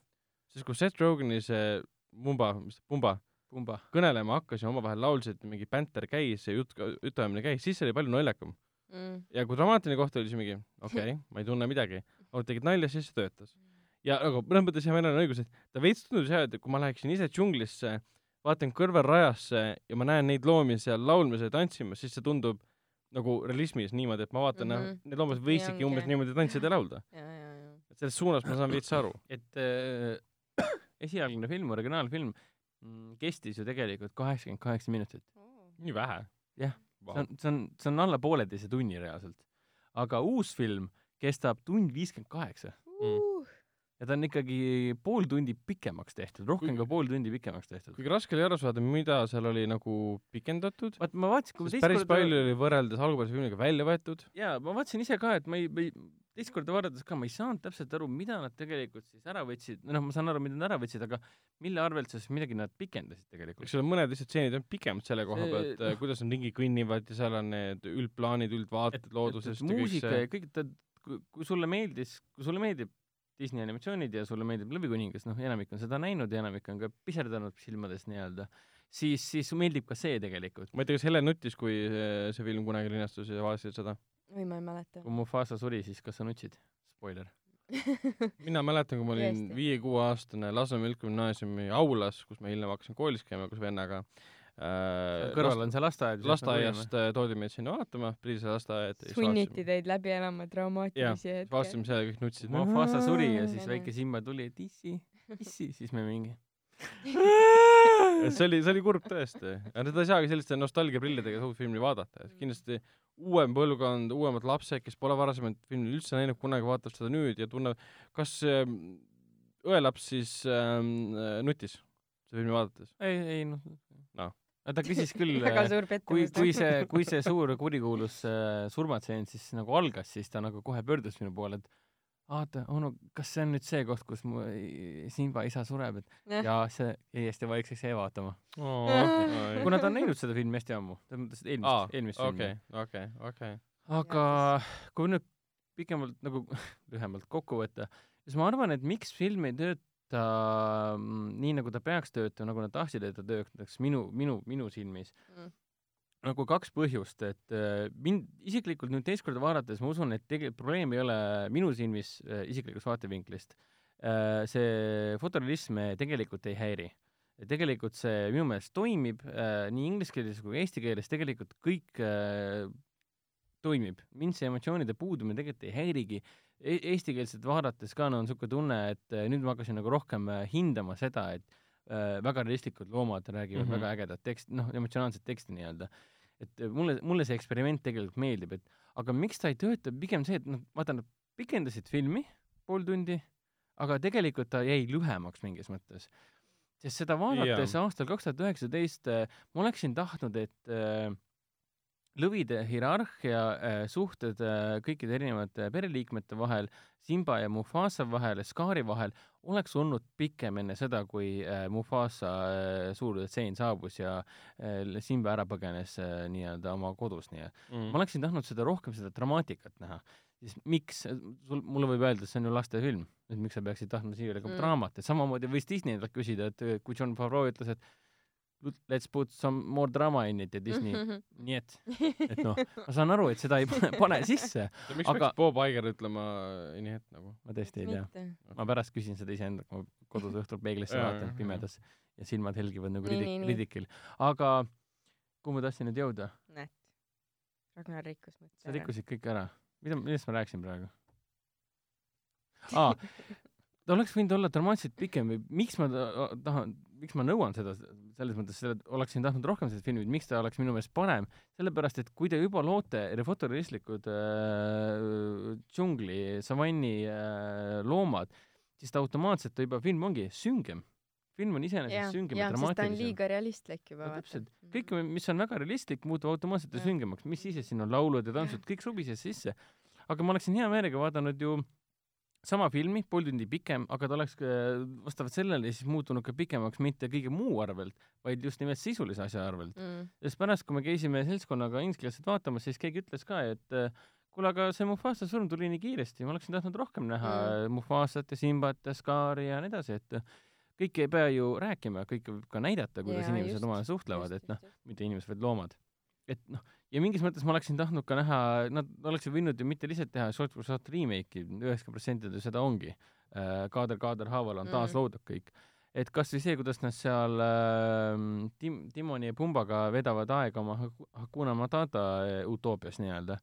et see osa oleks võinud olla palju-palju pikem nende kooselu, vot nende kooselu oli filmis oli väga kiirelt kokku võetud. see tehtud selle läbi selle Hakuna Ma- Matata laulu. jaa, nad kohtusid kõrbes, hakkasid laulma, läksid vaatasid Vahepeal kodu üle sõid., hakkasid sööma ja, siis ja laul lõppes sellega, kus siis tuli see kuulus stseen, kuidas nad kõndisid üle Timo- kuu taustal ja siis nad kasvas suuremaks järsku. Timo, mulle meeldis see, et Timo filmis kommenteeris seda, kus siis Simba hakkas uuesti laulma, kes oli vahepeal laulu jooksul siis montaaži käigus suureks kasvanud. tehti ära ja nii-öelda. siis eh, Timo tegi nalja, et eh, kuule, Simba, ära, ära, ära hakka enam uuesti ärme laulma, rohkem laula. sest viimase laulu ajal on see tüüp juba siin nelikümmend naela kasvanud vahepeal. viim-, eesti keeles oli see, et kuule, sa viim-, selle laulmise jooksul, selle laulu episoodi jooksul sa oled juba kakssada kilo raskemaks läinud. ja, ja, ehk siis ja, väiksest, väikest, väiksest Mhm. kutsikast on saanud tohutu suur lõvi. ja, lõvilakaga ja puha. et et tegelikult ma oleksin selle, selle asemel hea meelega vaadanud pigem seda, kuidas väike Simba kasvab suuremaks, olles väike Simba koos Timoni ja Pumbaga džunglis ellu kuigi algupärases animatsioonis oli samamoodi, et ta kasvas kohe ja ma saan suureks. sellest aru, aga samas, kui tuleb niisugune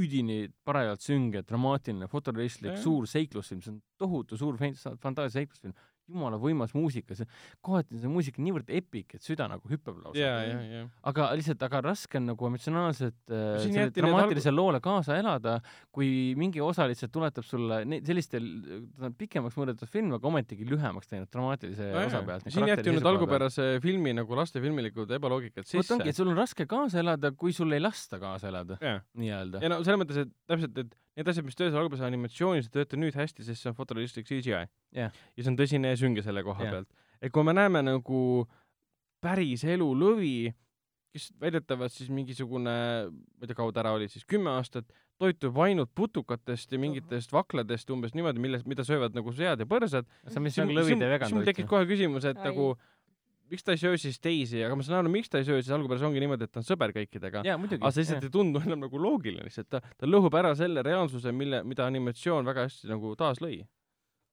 selle koha pealt on ta väga intentne ju esialgse filmiga, et kõik nagu toimib. aga lihtsalt ainuke asi, mis asja ära rikub, on see, et eh, ma nõuan rohkem, sest eh, mulle justkui antakse mõista, et siit tuleb rohkem. jaa, jaa. see on umbes sama, kui sa vaatad äh, millega võrrelda äh,, sama Maugli näiteks ju. Maugli oli ka väga dramaatiline ju. sa mõtled seda Andy Andy Serkisi oma, jaa. ta oli väga dramaatiline ja minu meelest oli seal, ma pole näinud tegelikult, ma olen. aga minu meelest ta tundus olevat igatipidi nagu niisugune laiendatud, expanditud.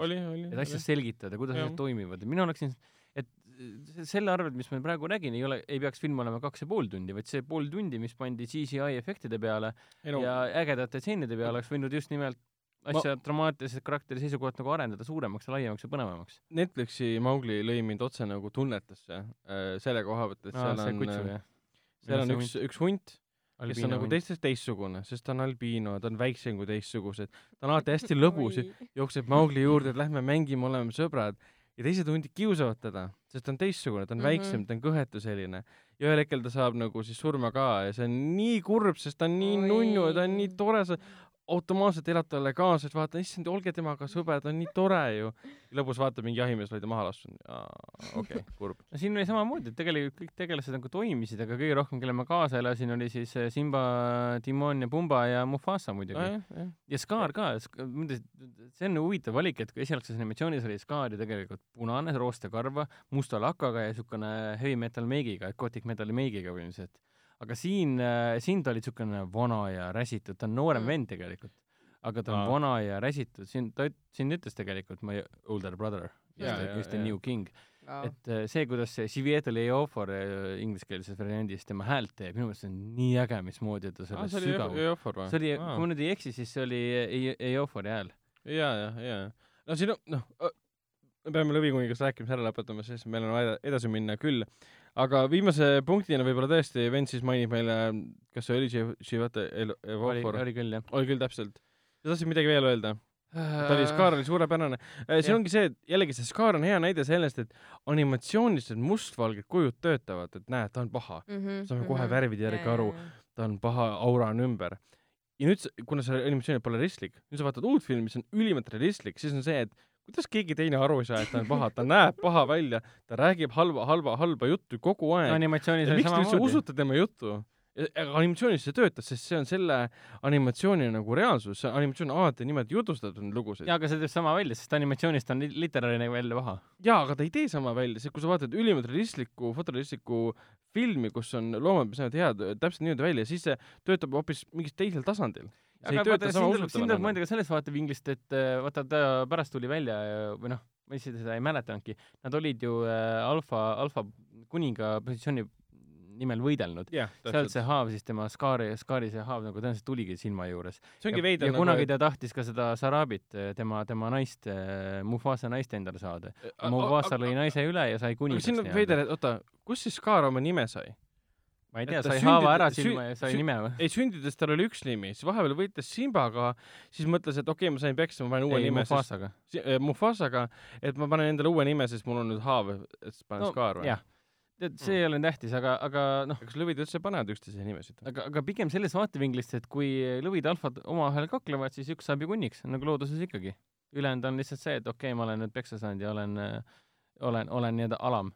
aga no ütleme nii, et film on vägev. Selles mõttes, et on, kui, kui sa tahad näha suurt seiklust kogu perega, no päris, päris pisikesi tasu tuua, sest ta on ikkagi MS6 film, siin on süngeid asju nii-öelda, siis ta on ikkagi suur seiklus. mingi röövike söömine ei ole kõige süngem asi. ei, see oli päris rõve.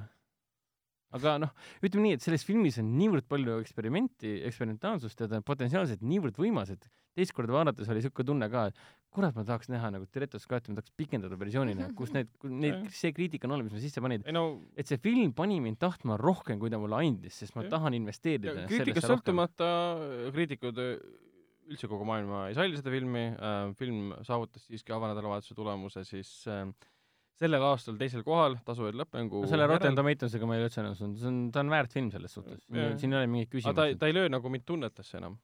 Aga Seda küll, seda küll. selles, et ma ei ole enam viieaastane ja ega lasteaias. et aga Nii. räägime vahelduseks teistest filmidest, kus on ka emad, kus on ka võib-olla isad, aga see on film, mida mina pole näinud, aga Hendrik ja Helen on seda näinud, selle filmi nimi on Tehisema, mille ingliskeelne pealkiri oli vist I am mother. I am mother. see on film, mis USA-s jõudis Netflixi, aga Eestis toodi siis, Euroopas toodi kinodesse. peaosas on seal siis Hillary Swank no, ühes osas. mitte päris ja peaosas siis pigem. äh, Emily Byrne, Rose Byrne. Rose Byrne. Rose Byrne teeb siis tehisemale häält. jah, ja siis üks neiu, keda keegi ei mäleta. Äh, neiu nimi oli väga huvitav nimi tegelikult, temast võib saada suur äh, Clara Rugard. okei okay., igatahes see on ulmekas ja Rugaard. kuidas tundus, millest film räägib? jah, Helen, millest mina ei tea, ma ei saanud midagi nii keeruline film okei, okei, mingi vastupidi Tar-, Tarkovski või? see oli nii palju pläusti ja sousti oli sinna kokku pandud, seened, kapsad, pirukad ja kõik asjad, et mul nagu läks ühel hetkel ühisesse. filmi peaosas on siis üks robot, kes, kellel on äh, mitte robot ehk inimesest laps. kust ta selle sai, sellest siis saab äh, filmis näha. robot oli suhteliselt äge, ma arvan ähm,. mul ei ole tavaliselt suuri tundeid robotite vastu olnud. Robo-, roboti lõi seesama meie Uus-Meremaa Veta Digital. okay.. Veta loodud robot. okei okay., aga tänu sellele väga realistlik ja äge. nojah, see on Vete, kes tegi kõik jaa, need Ühesõnaga. värgid, nii sega mul vahele, come mul on. lihtsalt on selle filmiga natukene rohkem kui palju probleeme, sellepärast et see film üritas olla jube intelligentne, ilma et ta tegelikult oleks suutnud seda nii-öelda deliver ida või kohale toimetada. et. äh, see, et keegi ühe korra mainib, et äh, oota, aga me ju õppisime kanti sinuga eelmine nädal, kant ehk siis üks saksa filos-, klassikalise Ah, filosoof onju just. ja siis, ja siis põhimõtteliselt, et oi, et sa tunned kanti, sa oled nüüd iseenda eest mõtlev intelligent onju, et ja mina olen robot ja mina olen sinu ema ja nüüd me oleme ideaalsed selles maailmas. ja samas äh, nagu, kui filosoofia õpetab sind äh, mõtlema ja arutlema ja analüüsima äh, meelelisi, mittemeelelisi, elulisi, mis iganes äh, intellektuaalseid äh, mõistusega seotud asjade üle, siis äh, see neiu tegelikult ehk peategelane, see noor, keda Hendrik just mainis, Clara Ruugaardi tegelane äh, nagu filmist vaadates sellega tegelikult hakkama ei saanud. et äh, ja mis mind kõige rohkem häiris, oli see, et äh, temast äh, oli üritatud teha Alicia Vikanderit äh, Ex Machinast. Et see oli nagu sada miljon protsenti üks-ühele, siis mul oli juba see ajas mind närvi, et come on, dude, teil on sa mõtled reaalselt seda tütart, jah? jaa, et Aa. teil on reaalselt tuhandeid näitlejaid, kes tahavad olla mingi superstaarid ja kui sa mingi mainid, siis on jah see. morni näoga kaamerasse vahtida ja siis no come on, ole natukene originaalsem, nagu mõtle, et eh, põhimõtteliselt, et kes on see ideaalne või maailma kõige ilusam naine, keda sa luua tahad ja siis aa okei okay,, Alicia oli, teeme veel ühe korra mm,. ei ole Mm. originaalne ja üleüldse ta nagu kuidagi üritas olla natukene Ex Machina liiga palju, aga Ex Machina oli tõeliselt intelligentne.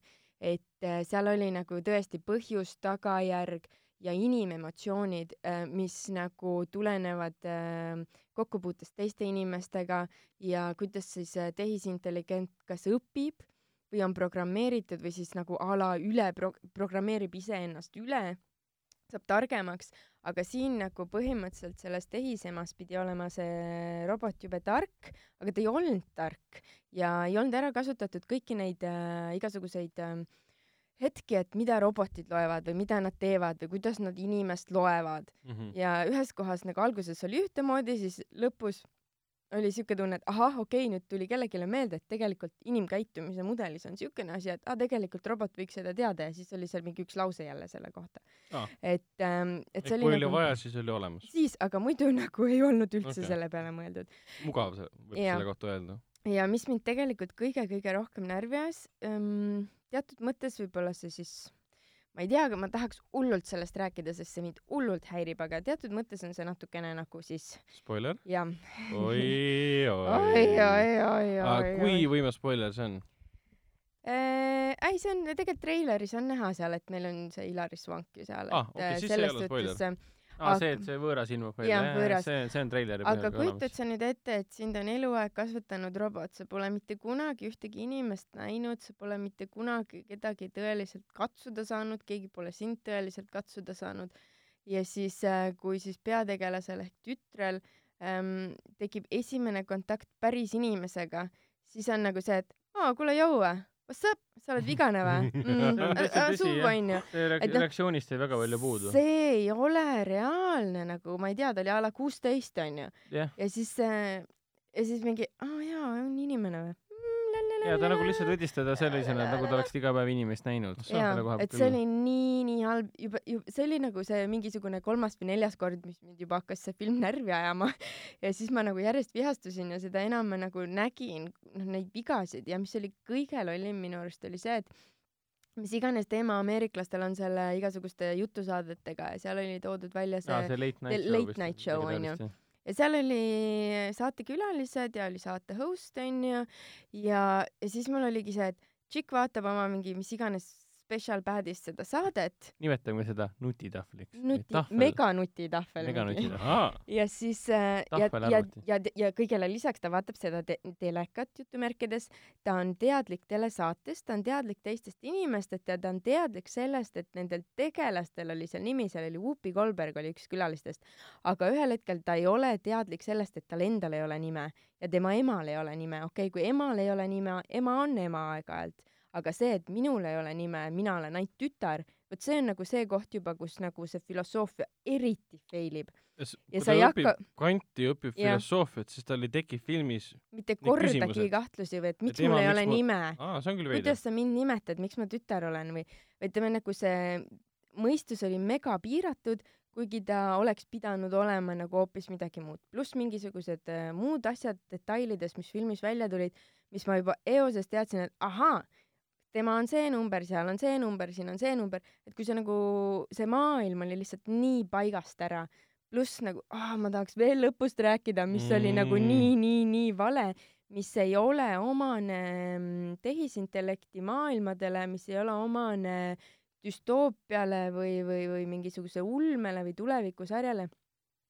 et need äh, nii-öelda maailma reeglid olid paigast ära, et see ajas mind nagu ka väga-väga-väga ehk närvi siis. ta oli, võiks öelda, et võib-olla lugu oli tal võib-olla nagu süžeelisel tasemel. lugu oli nelikümmend viis minutit äh, väärt. okei okay,, et see oli nagu paigas, ütleme niimoodi. ei, et et selles mõttes, et idee selles paigas, millega Nii. ta algab, kuhu ta läheb, millega lõpeb, aga legendaariumi see äh, osa sellest, et kuidas see lugu jutustatakse, mis, mis jookseb selle ümber, mis tegelikult juhtus, see oli nagu paigast ära. natukene küll jah. tundus, et ta- pole nagu isegi paika pannud endale, Mm. mis tegelikult juhtus, mis on selle ja, ja apokalüptika põhjuseks, kuidas robotid töötavad Jah, umbes niimoodi, lihtsalt kasutas neid tegelasi ära, Mhm. teadmata, kuidas nad tegelikult Jaa. töötavad. pluss nagu alguses äh, oligi see, et see algus venis nii-nii palju ja siis mõtlesin, et okei okay, davai, et noh, et kellegi esimene film, et no pole palju pappi, no okei okay, onju, oleme ühes kohas.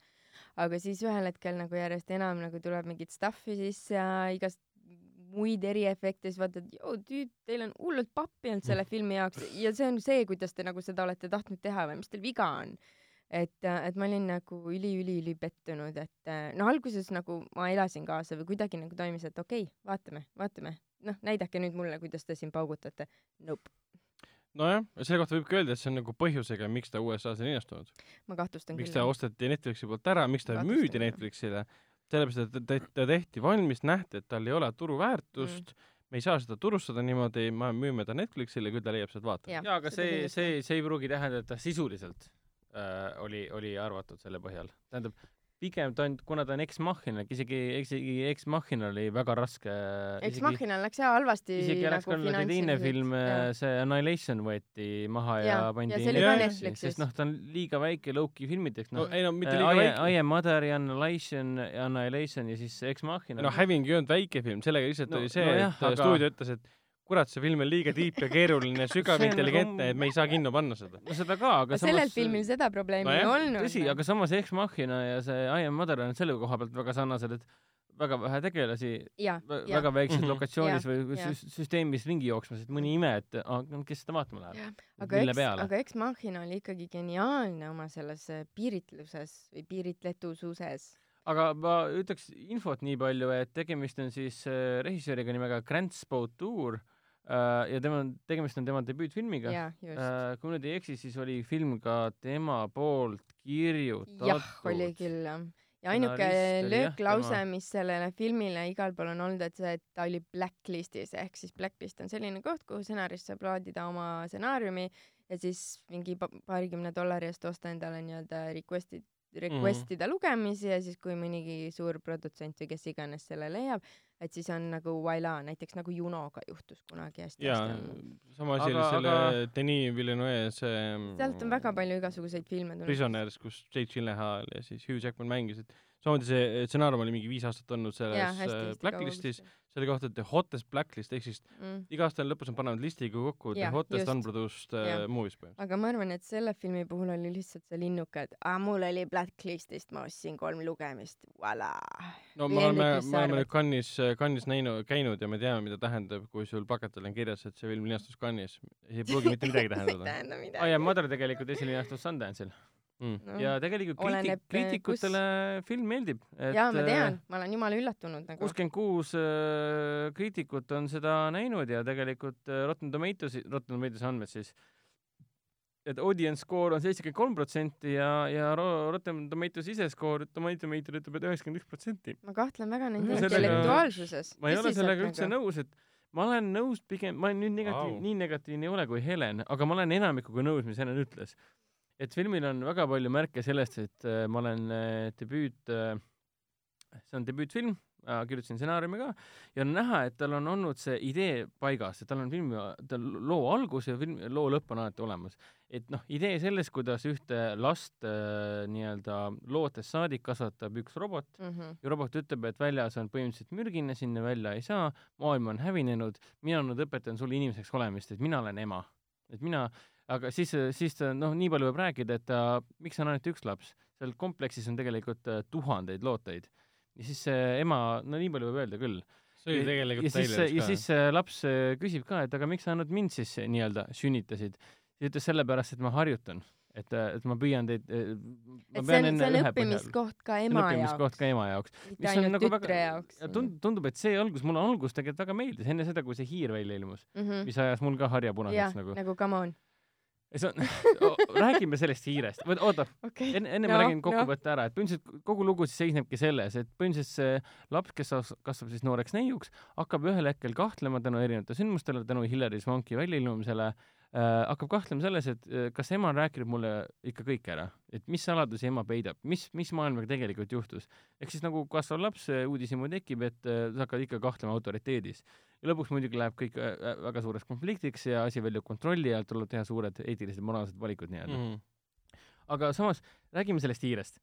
miks mind hiire juures kõige rohkem häiris, on see, et kui sellele mm, Rose Byrne'i häälega, väga hästi tegi kusjuures Rose Byrne'i ema häält, rahustav, monotoonne see oli hääl. jälle liiga klišee, aga noh, jaa. samas, samas see oota, robot, mida, Rose Byrne tegi hiire häält või? ei, ei roboti häält, aga robot, Ema. tehisema ütleb siis äh, lapsele või tütrele, oota, kohe jõuame sellele, ütleb tütrele, et väljas on mürgine. väljas on mürgine selge pilt. et noh, võib-olla mina lihtsalt ei saa tehnikast nii palju hästi aru, aru ka, aga siis il- ilmub välja see hiir, kes tuleb õhuluusi kaudu sinna kompleksi Jep. Ja närib mingeid juhtmeid läbi ja, ja siis tekitab natuke kamahead seal. aga mul tekkis kohe see küsimus, oota, kui väljas mürgine on, siis miks sul üldse õhulüüs siin on või kust te oma õhku üldse ja saate kuidas nagu? see hiir ellu jäi, kus kohas hiir toimib nagu? no see on nagu loogiline, et kui hiir tuleb sisse, elus tuleb mm. -hmm. sisse, siis tütar hakkab kahtlema, aga väljas siis ei ole enam ei mürgine mm. -hmm. ema, miks sa välja ei taha minna, seal võib ikka mürgine olla, ära mine välja. aga mind häiris just nimelt see, et mis värk selle õhulüüsiga on. mis sul üldse, kas, kas sa aga robot saab ju väljas käia, tema ma saan aru jaa, aga miks, aga miks seal üldse õhulüüs on? roboti Täpselt. jaoks.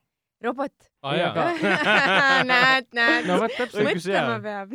miks, on üldse siuksed asjad nagu mingid õhupildid või õhulüüsid olemas? No iga, võib-olla igaks juhuks, et ühel hetkel saab välja sa oled Ei, ei,, sa oled mingi üliefektne robot, kelle väidetavalt inimesed on loonud, et sa siin inimest kasvataksid, lapsi kasvatatakse pärast seda, kui meie välja sureme, aga miks sul üldse väljapääs, kuidas saab hiir üldse siia kompleksi sisse saada jah?, jah, täpselt. see on nii imelik, et see on, see on väga, väga loogiline asi, et sul tuleb elusloodus sisse, tekitab mm. -hmm. küsimusi, see kõik on väga loogiline mm, -hmm. ma Mhm. kirjutaksin ise sama asja nii-öelda, aga ma ei teeks seda niimoodi, et see on järsku õhulüüs mürgisesse maailma või? Mm. mis loogika see on? pluss nagu miks seal äh, üldse uksed on? täpselt seal oligi see, et kõik oli kuskil kelle jaoks need uksed on? Eh, noh, nagu sci-fi maailmas ikka kuskile väga ära peidetud onju, kõik on raud, metall, tina, mis iganes ja siis on mingi hiir.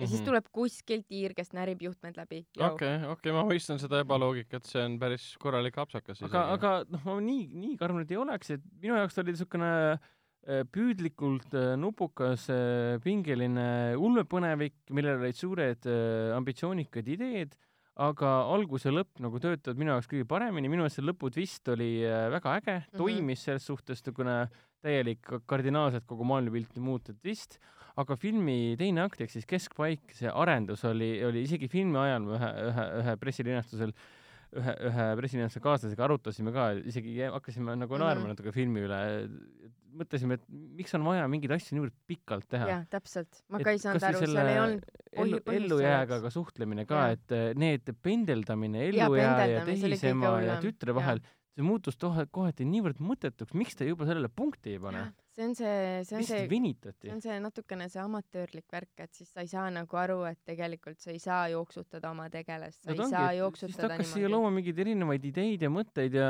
ja, ja oli näha, et sul oli nagu. lühifilmi idee. ma olen sellega nõus, et ma oleks öelnud hurraa ja viskanud silda, kui see oleks olnud nelikümmend viis minutit ja see oleks olnud üks osa sellest Love Death Robots mingisugusest no täpselt kasvõi paketist mingi nagu. kahekümne minutiga oleks Jah. saanud selle asja ära teha. aga noh, ma ei ole nagu filmi peale vihane, et mul pigem kui ma seda filmi vaatasin, vaatasin, et jaa, sellel Grand Spoturil, sellel režissööril on, tal on silma ja kätt ja, ja nii, nii režissööri kui ka stsenaristina ta on noh, ambitsioonikas ja püüdlik, et ta või, kui ta nüüd veel rohkem pingutab, siis temast võib täitsa, täitsa saada järgmine huvitav, väga huvitav täht ja nimi nii-öelda. antud filmi põhjal on näha, et äh, tal jääb veel oskustest puudu, aga ta püüab hakkama saada. aga mulle hullult, hullult meeldis Hilari Swank seal, see oli südantlõhestav. See oli tõsiselt mis, südantlõhestav mis nagu., see on jälle spoiler sa ei muidu, saa äkki me saame pärast rääkida, me saame pärast rääkida. selle, selle, mida ma tahan rääkida, on see, et Hilary Swank ja siis see jah, sa ta- tabas ikka selle ära, ja, ja, ja ja, pärast see ei viinudki kuskile. ja, mis mind nagu kohutavalt häiris, sest see tu- tuletas mulle ühte teist äh, mär- märksõnaga Rockwelli filmi meelde. aa, ma tabasin kogu twisti ära. ei, ei, ei, sellest, vene, vene, sellest me praegu räägimegi, et see ei viinud mitte kuskile, seda ei olnudki. seal on kindlasti sarnasused. ütleme nii, et filmis on mingid sarnasused. aga vähemalt ma sain aru, keda Hilary Swanki tegelas, kui, mida ta mängib või keda ta mängib. ei, ei, ei, kui sa mainisid Sam Rockwelli, Duncan Jones'i Moon'i ei, point oli selles, et film tekitab sulle äh, Rockwell, tunde Rockwelli Moon'i tunde, aga ühel hetkel taipad, aa, ei olegi või? Mm. aa, asi on selles, et see ei ole twist, see ei ole mitte midagi. aga siis nagu raudselt, sul on, sul on seal kaks tegelast on kõrvuti ja nad on niimoodi valgustades Mm., vaatad, issand jumal, päriselt või? ma sain twistist aru aga kas ei viinud kuhugi Ei, seda ei või nad ei Seda ei- selgitanud, seda jättis nagu ei, see ei, asja ei, seda ei sündinudki, seda ei olnudki, seda polnud olemas. Et sellele pandi kindlasti nagu happens. ukse, ukse ette, et seda ei juhtunudki. ei, jaa, Aa, jaa, aga see on minu end-, minu end-, meie enda fantaasia nii-öelda. olgu, okei, selge, aga räägime siis viimasest filmist ähm, Lubadus Koidikul, seda on ainsana näinud äh, Hendrik ja äh, ja siis äh, läheme edasi mõne uudise juurde. aga kõigepealt Lubadus, Lubadus Hoidi-, Koidikul. täpselt nii, käisin siis vaatamas uut prantsuse filmi Lubadus koidikul La promesse de Faubert. ja see, see kindlasti oli õige õige nimi. peaosades on siis ei keegi muu kui Charlotte Gainsbourg, ei, keda me siis viimati nägime vist äkki Nymphomaanis või igas ei, teises ei, prantsuse ei, filmis. ta. on ikka väga paljudes ja, ja aga tegelikult siis peaosas ehk siis äh, film räägib äh, tuntud armastatud prantsuse kirjanikust äh, Romain, Romain Gre- Grace nii-öelda, kellel oli väga pöörane elu, täiesti, ma kohe räägin sellest elust nii-öelda, ja teda kehastab Pierre Nini, keda tegelikult väga paljud teavad sellest autobiograafilisest filmist nimega, ma ei oska, Ives Saint, Saint Laurent, Laurent, Yves Saint Laurent no. täpselt. ma olen seda Laurent, Laurenti filmi näinud, Loreni filmi näinud ja Pierre Ninidega nagu hullult äge roll, et väga äge nagu tüpaažiga tegelane, näitleja tegelikult ja siin samamoodi. põhimõtteliselt äh, räägib äh, väga ägeda loo sellest, kuidas äh, kogu lugu on äh, pojast ja emast ja kuidas neil on harukordselt tihe side. Selle koha pealt, kuidas ema hoiab oma last, see on tegelikult nagu haiglaslik või hüpnootiline vaatemäng, kuidas Charlotte Gainsbourg paneb täiega hullu, jumala ägeda rolli teeb, kuidas ta mängib hullumeelset äh, ema põhimõtteliselt, kes kogu aeg hoolitseb selle eest, et tema lapsest saaks, saaks kõige suurem äh, versioon temast vähegi võimalik. Vau. temast peab saama kirjanik, temast peab saama kindlasti mitte kunstnik, seda ta keel-, keelas ära, sest tema silmis vä- hästi palju huumorit filmis, ma soovitan tal ära vaadata. huumorit selle koha pealt, ei kunstnikust sinust ei saa viskas tema joonistused minema. miks ema? sellepärast nad on kõik vaesed ja tap- tapame ennast noorelt ära. Oh. vaata seda Van Gogh lõikas kõrva ära, mis kasu sellest on? sa ei tee mingit kunsti. aga siis pani ta viiguldama, siin flöötimegi, mida iganes pani ta mängima, et ütles ka kõigile, temast saab siin suursaadik ja nii edasi, et noh, temast saab alati suur mm. -hmm. suur mees aga noh, elu muidugi, teised mängud on elul ja ta on, ta ta on niisugune teise maailmasõja, teise maailmasõja aega järgi, järgi jõuab, põhimõtteliselt on ju, elab Pariisis samal ajal, kui natsid tungivad siis Prantsusmaale. Nad sõdivad siis äh, Natsi-Saksamaa vastu ja loomulikult ju vahepeal äh, Prantsusmaa kapituleerub ja Jah. kuidas siis samal ajal tekib see äh, vastupanu liikumine nii, nii Inglismaal. Ta räägib ka sellest ärritusest ja segadusest, kus siis sõdurid istusid Inglismaal ja mitte midagi teha ei saanud. põhimõtteliselt, sest noh, neid hoiti lihtsalt seal samal ajal, kui nende kodumaa ära võeti. Mhm. aga põhimõtteliselt on äh, väga äh, naljakas, väga humoorikas, väga ootamatu, mina ei teadnud äh, armastatud kirjanik Romain Gray'st, elu, Romain Gray elus mitte midagi ega tema raamatust mitte midagi.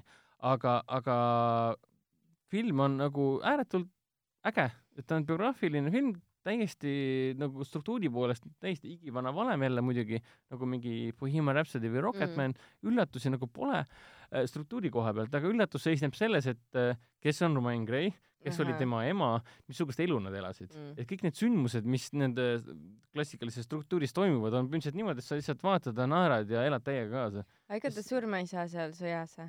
saab või ei, ei, õnneks mitte okay.? selles suhtes. ja lõpp on ka hullult dramaatiline, noh, et kindlasti, kindlasti ma soovitan teile see film ära vaadata, et äh, tegelikult äh, nüüd ma endal ka tunnen, et ma peaksin selle, selle siin filmi jooksul ta kirjutab see raamatu ka, millega ta mm. Siis kuulsaks sai. muidugi üks äh, probleem on äh, sellel filmil, mis on ka päris paljudel kirjanike elust äh, tehtud filmidel, nagu ka Bohemian Rhapsodil, ta kirjutab seda raamatut, millega ta lõpuks kuulsaks saab, mis siis Inglismaal välja antakse, prantslased tema asju välja ei andnud, aga mina olin seal, istusin, et aga millest see raamat räägib siis? oi, ei. et nagu seda, seda, aga samas vaata, Aga see on ka minu, võimalik, et minu, minu harimatus ka, et eh, võimalik, et tea, eh, kõik jah? see, millest film, raamat räägib, mm. on ka tema ümber. -hmm. ehk siis noh, kuna ma ei ole raamatut lugenud ega ka ei tea isegi synopsist, aga mina kui nagu noor inimene, mul oli nagu äge vaadata üle pika aja filmi, millest ma nagu tegelikult Mm. sisuliselt mitte midagi ei teadnud. mm.. noh, Elton John ja sa viimase aja need asjad, noh, sa on ju midagigi tead ikkagi. aga siin on see, et see nagu, ta on tõesti nagu emotsioonispekti koha pealt, ta nagu täidab kõik punktid ära kogu aeg mm.. ja läheb tagasi ja uuesti täitma. ta on kohutavalt naljakas, hästi humoori-, noh, prantsuse keeles jah täiesti prantsuse keeles Mm. mm., kohati muidugi ka poola keeles. oh,? noh, kui juudi teemat on veidi sees, natsi teemat on sees, sõjateemat on sees, kohati ta meenutas ka seda Ca- Catch twenty two'd, päriselt Noh. samamoodi, kus nad seal istuvad ja lasevad pomme alla, ta oli see pommar nii-öelda.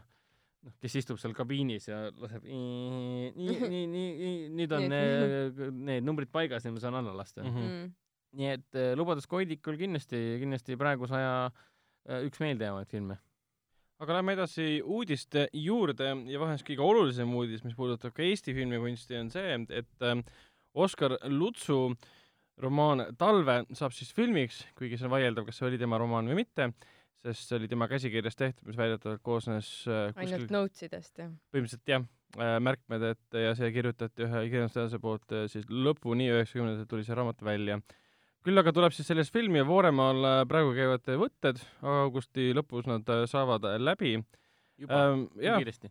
jah, filmi režissöör on siis Ergo Kuld, kes hiljuti näiteks oli selle seriaali sellest naisräpparist äh, Miks mitte äh, üks režissööridest ja loojatest, stsenarist on Martin Algus, kes on siis tuntud äh, pigem kui äh, nende äh, klassi kokkutuleku filmide siis ekra-, ekraniseeringute kirjutamise poolest. Pluss ta on ka, töötas Miks mitte juures ja varasemate erinevate seriaalide juures ja aitas kirjutada ka seda, kirjutas raami sellele, noh, tuletame Sangarid filmile Mhm.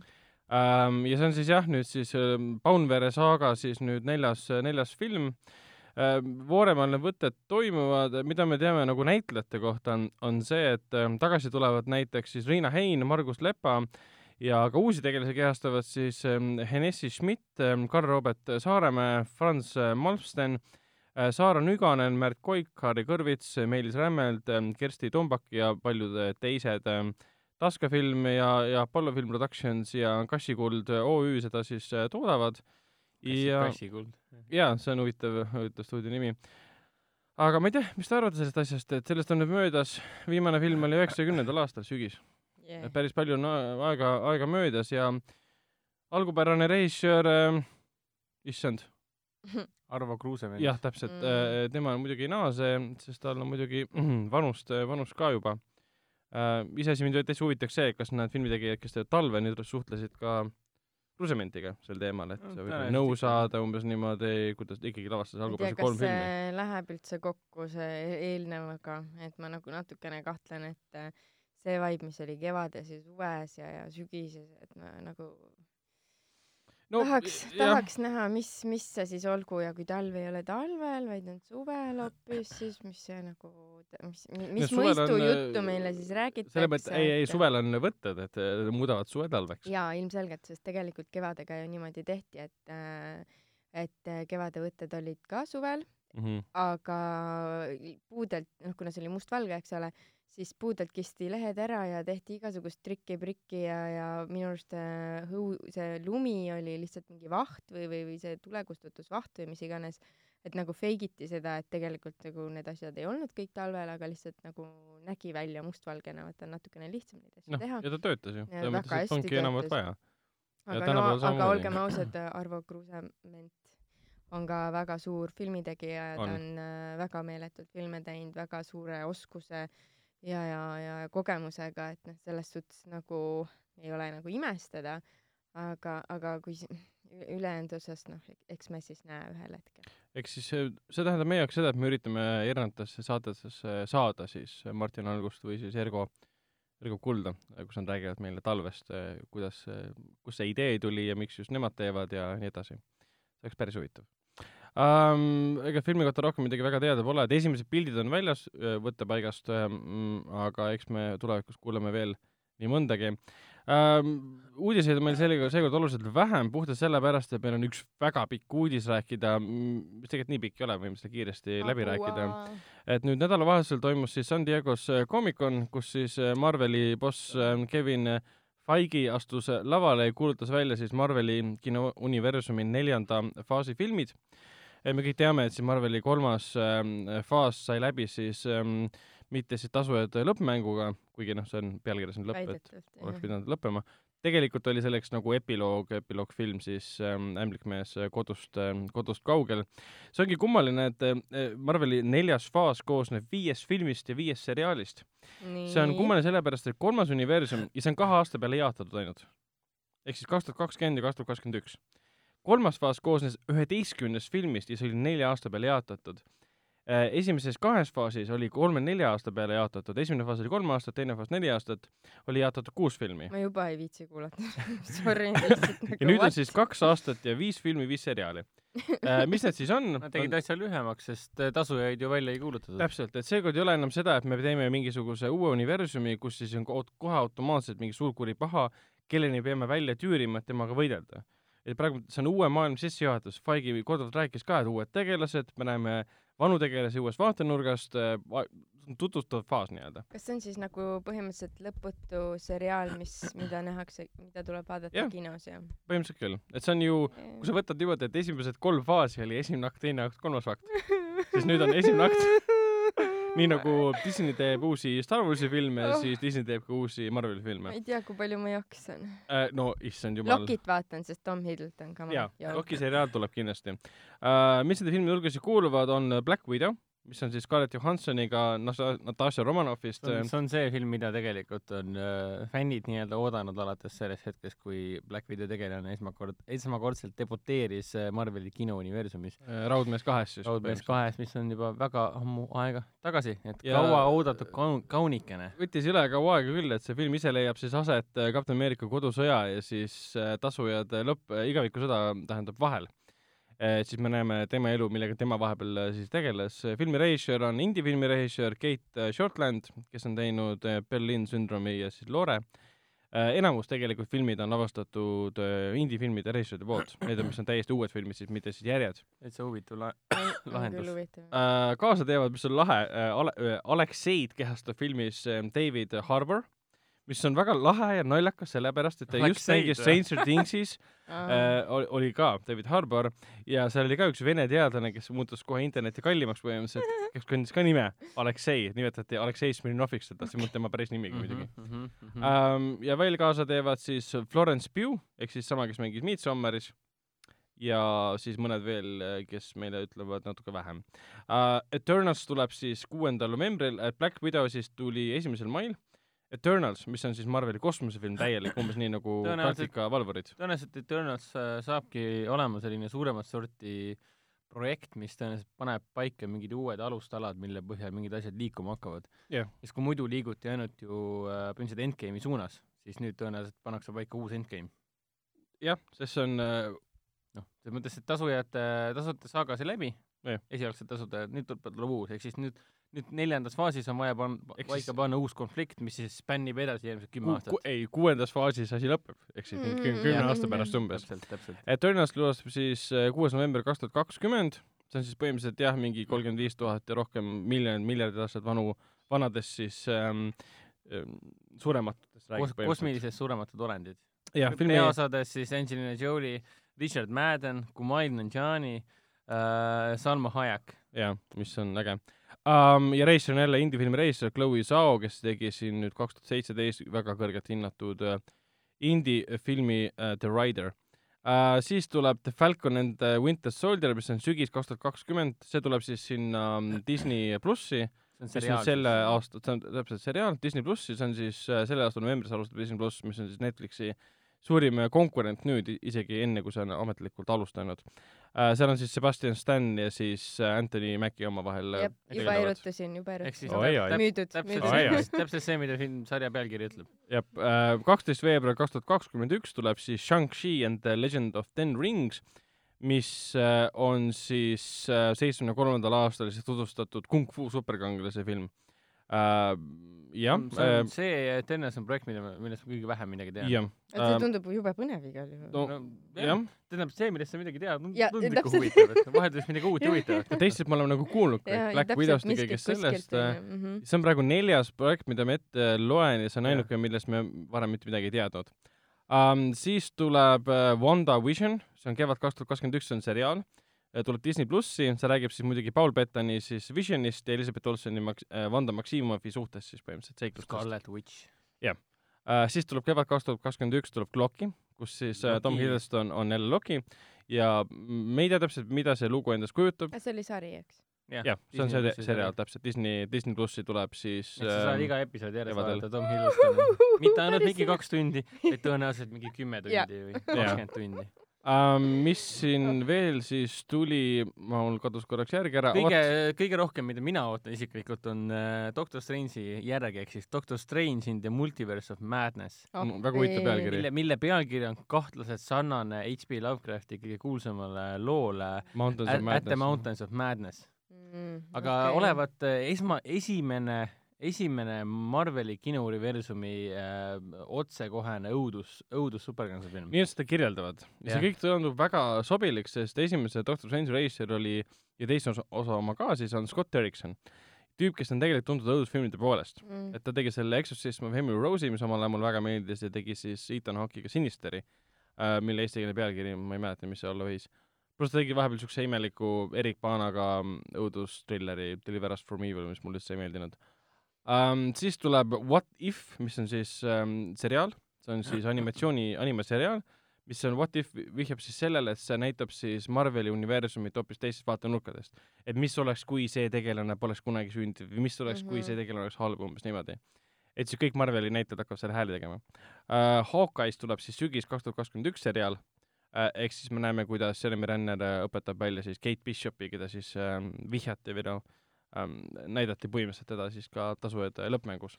ja teine film, mida mina kõige rohkem oo- ootan, ehk siis järg-, vabandust, vabandust, ma köhin kogu aeg. kümnes projekt, mis välja kuulutati, on siis äh, Thor Love and Thunder, mis kõlab jälle äh, sama nagu klassik heavy metalikult nagu, nagu kõik, mis toimus äh, Thor Ragnarokis. kusjuures ma seda artiklit kirjutades, nendest üle, ülevaadet kirjutades ma mitu korda kirjutasin Thor Blood and Thunder, miks? sellepärast et ja, ja, ähm, Thor Blood and Thunder on päriselt olemas koomiksiseeria, Mhm. aga minu seos, Love and Thunder seostus Mastodoni ühe albumiga äh,, mille albumi nimi on Blood and Thunder.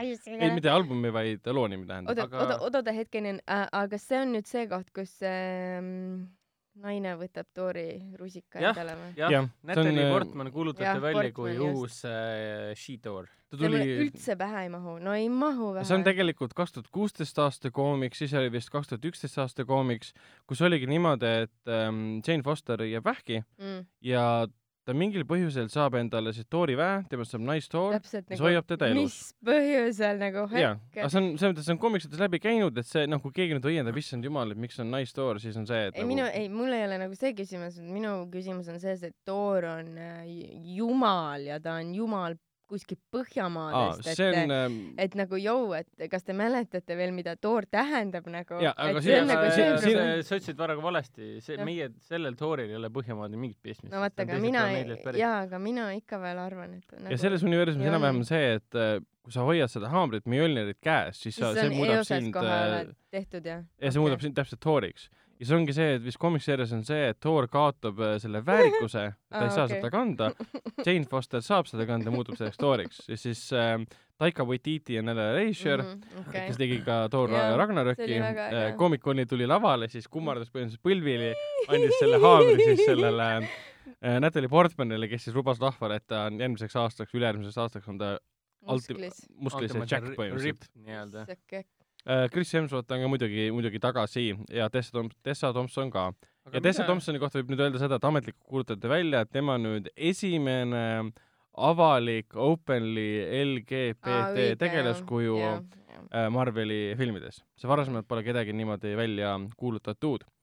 see on siis jah, kümme filmi, tähendab viis seriaali, viis filmi Marveli kinouniversumi neljandas faasis. Comic-Conil mainiti ka muidugi Blade'i, Fantastilist nelikut, Musta pantrit teise osa, Kapten Ameerika, Kapten Marvel kahte tähendab, Galactic Marvel kolme, X-meeste tulevikku, aga nende kohta midagi kuupäevi ei öeldud. ehk siis nüüd me saime teada, et meie kõigi lemmik eh, Wesley Snipes on lõplikult siis välja vahetatud, vähemalt mingil kujul, me ei tea nüüd lõplikult, kas ta on lõplikult projektist eemaldunud või mitte, Marvelist eemaldunud, aga Green Booki ehk siis Rohelise Raamatu ja, ja Kuuvalgus ehk siis Moonlighti äh, superstaar. superstaar Mahe Harsala Ali hakkab nüüd siis Blade'i mängima. see on väga äge, mulle ta meeldib, ta on nagu siukene sobib.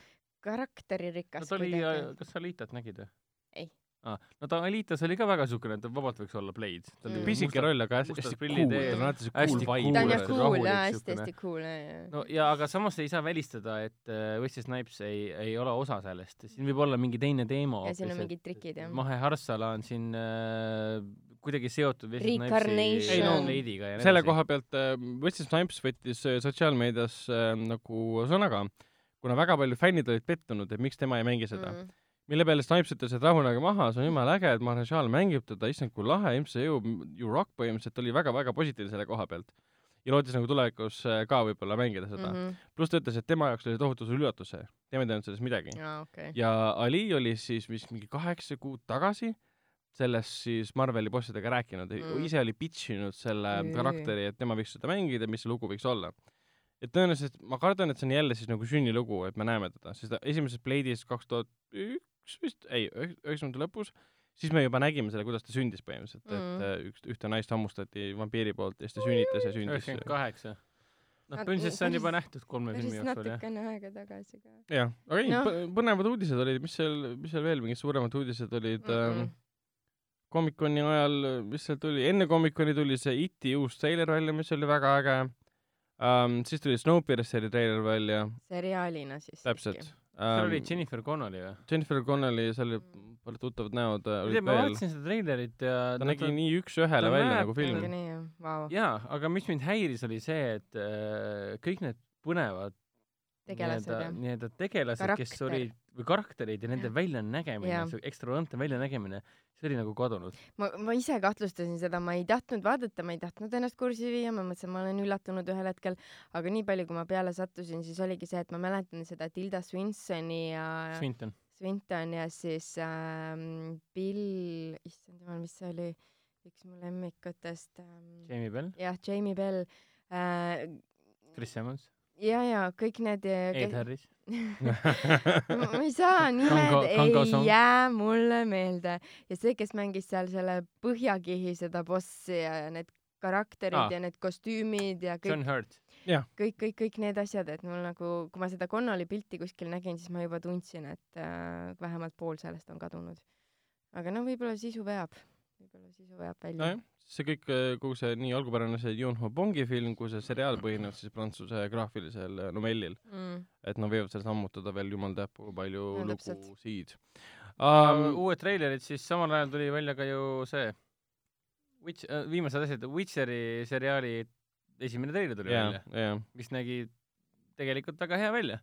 mul on muidugi omad reservatsioonid selles suhtes, mida ma nägin aasta lõpus tuleb välja kaheksa episoodi, Netflixi ta tuleb ähm,. Henry Cavill nägi tegelikult vinge välja minu arust, kuigi treileri lõpus olev kaader, kus me näeme Cavilli, kelle nägu muutub eliksiiride tõttu, sest noh, Geralt sööb eliksiirid sisse nagu ta võitleb Jah. koletistega äh,. seal on liiga nagu green screen tunne oli Mm. koletis on nagu temast eespool, tema seisab tagantpool. ma arvan, et jah. literaali lõppesid võtted on mingi paar päeva ja, aga välja tuli ka Watchmeni seriaali esimene tre-, või noh, ei, teine treiler, uus ja, treiler, mis nägi, andis väga palju valgust sellele, mis tegelikult värk on. kas ma sain nüüd õieti aru, et tegemist ongi äh, Zack Snyderi äh, Watchmeni nii-öelda järjega või noh, selle vist jah. Alan Moore'i Watchmeni järjega? ta leiab aset pärast seda suurt nagu kataklüsmilist sündmust Watchmeni lõpus. huvitav on ka see, et kas see siis järgib ikkagi Snyderit või ta järgib komiksit või graafilist ma arvan, et mõlemat pidi, see Damon Lindelof lihtsalt sest äh, lõpud on kardinaalselt teistsugused ju koomiks-, graafilises novellis. ei ole kardinaalselt, sündmus, mis põhjustas selle no plahvatuse ma mõtlen, aga see on kardinaalselt teistsugune, sest ühes süüdi on doktor Manhattan ja teises ei olnud. aa, okei, selles mõttes küll jah. Jaa. et noh, muidugi see on väga loogiline, et see niimoodi tehti. Westworldi kolmas hooaeg tuli, kolmanda hooaja treiler tuli välja. mitte midagi aru sellest treilerist. kusjuures ma olen teine hooaeg siiamaani lõpetanud, mõtlen, et rohkem ma ei, ma ei ole vaadanud ka seda, ei taha ka näha. vot, aga sellega ongi meil uudiste sektsioon läbi, lähme edasi filmi soovituste juurde, mainime kindlasti selle ära, et nüüd sel nädalal ja järgmisel nädalal saab viimast korda näha kinoklassika Foorum Cinemas kinoklassika raames siis Matrixit äh,. ja nüüd, kas viimast korda saab Matrixit näha siis iSense'i saalis, see selgub juba väikses saalis. ikka Maxis saalis, okei okay. um,. sel nädalal alustavad kinodes siis Ron Howardi dokumentaalfilm Pavarotti, mida mina kavatsen kindlasti vaadata, siis tulevad ka kinodesse filmid Valetamine ja varastamine, Pulmakao peas, peas on see siis äh, Divergenti seeria Dio James ja seksisümbol Emily Ratajkowski ah,, yeah.. ja Prantsuse hittkomöödia järg Pulmakaos kaks mm. mm. -hmm. et -hmm. eelmine osa oli Eestis küllaltki populaarne ja nüüd äh, tõenäoliselt äh, tahavad kõik näha. väga lahe film, teate midagi selle filmi kohta või? ei, ei, põhimõtteliselt see on järg esimesele osale, kus siis äh, vanadane abielupaar ja neil on neli tütart, kõik äh, abiellusid järsku äh, erinevast äh, rassist ja riikidest pärit inimeste, meestega mm -hmm. ja tulemus on siis see, et teises osas nad kõik tahavad oma naistega ära kolida. ja siis see vanadane paar äh, elu eest püüab siis oma äh, väimehi äh, veenda, et kuule, Prantsusmaa on parim koht, kus elada, ära mine sinna Türki, Alžeeriasse ja kuhu iganes veel. mm -hmm. Et väga lahe tundub. okei, okei, okei. lisaks sellele on siis äh, nädalavahetusel toimumas Andrei Riu Maastrichti äh, suvekontsert äh, Shall we dance, kas ma ütlesin perekonnanime õigesti? ja Andrei Rieu, Okei, jaa. Äh, ehk siis väga maailmatuntud viiulivirtuoos, kelle, kelle kontsertfilmid on äh, alati väga palavalt kaua oodatud ja armastatud selles suhtes, et on ääretult populaarne ja see on juba mitmes, mitmes, mitmes kord, kui jah, Foorum aastaid, Cinemases aastaid juba jookseb. on jõulukontserdid olnud, siin on on suvekontserdid, ja, jaa, ja et see on äh, metsik, Andrei Rieu on äh, põhimõtteliselt äh, Eesti rahva põhimõtteliselt moto juba vaikselt muutunud. um,.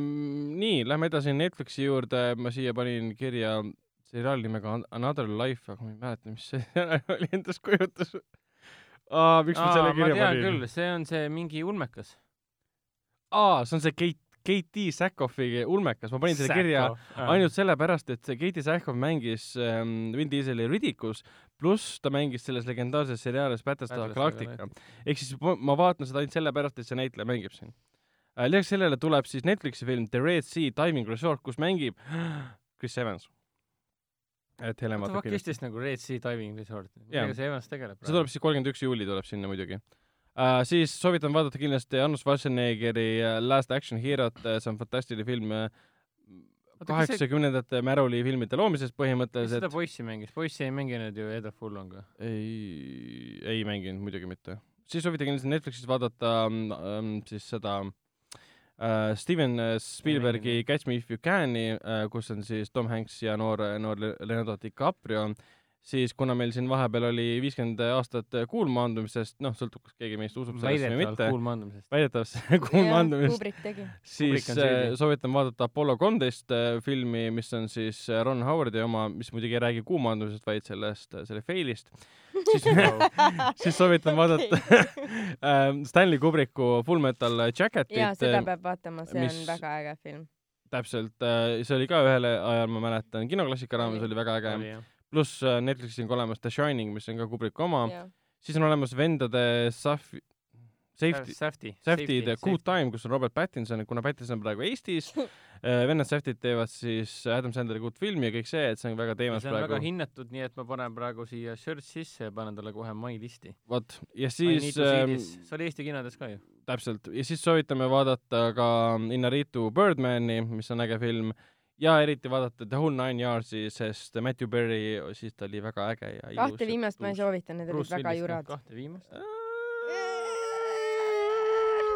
okei sulle Birdman ei meeldinud raisk. aga Telia HBO-s endiselt Tšernobõlit soovitame Eufooriat, pluss sinna tuli dokumentaalfilm I love you, I love you now die, mis räägib sellest ühest neiust, kes äh, sõnumi või siis Facebooki teel, Messengeri teel äh, viis oma sõbra enesetapuni, sellest tehti siis dokumentaalfilm, kuidas see naine läks luku taha ja pandi kinni. põhimõtteliselt ta ütles jah oma siis, mitte boyfriend, aga heale sõbrale, et põhimõtteliselt tapa ennast ära ja poiss räägi seda. see on päris elu ikkagi. Äh, ja viimasena on siis Amazon Prime videosse tuleb kahekümne kuuendal juulil juba The Boys, mis on põhimõtteliselt superkangelase film, aga superkangelase seriaal tähendab, aga see on nendest tüüpidest, kes tapavad superkangelasi. sellepärast, et mõned superkangelased on käest ära läinud, neid mm -hmm. ei Mhm. huvita kõrvalised kahjud.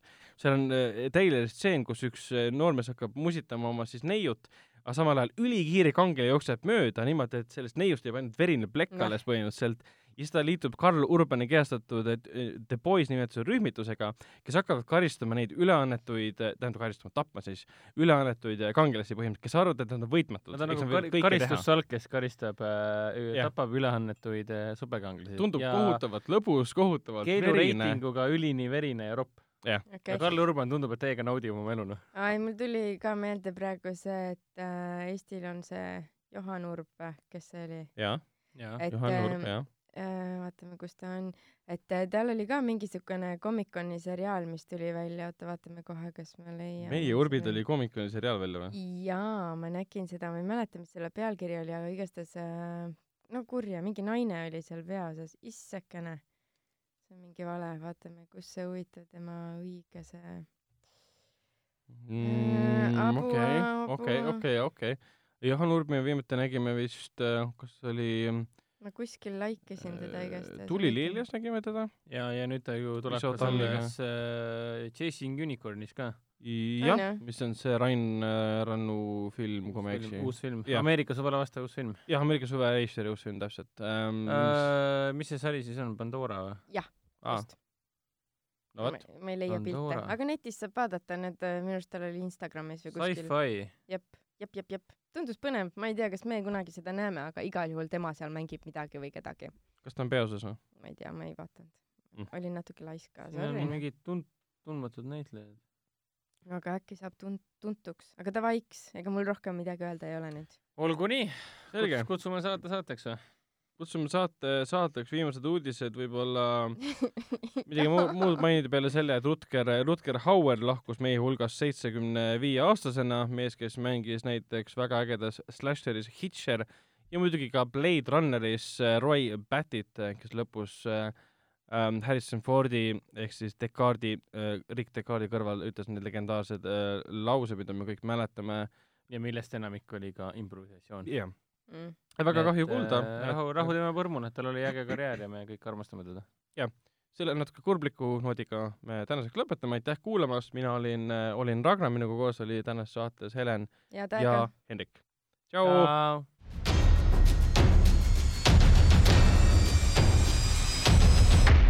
kinoveebi Jututuba podcasti toob teieni Foorum Cinemas.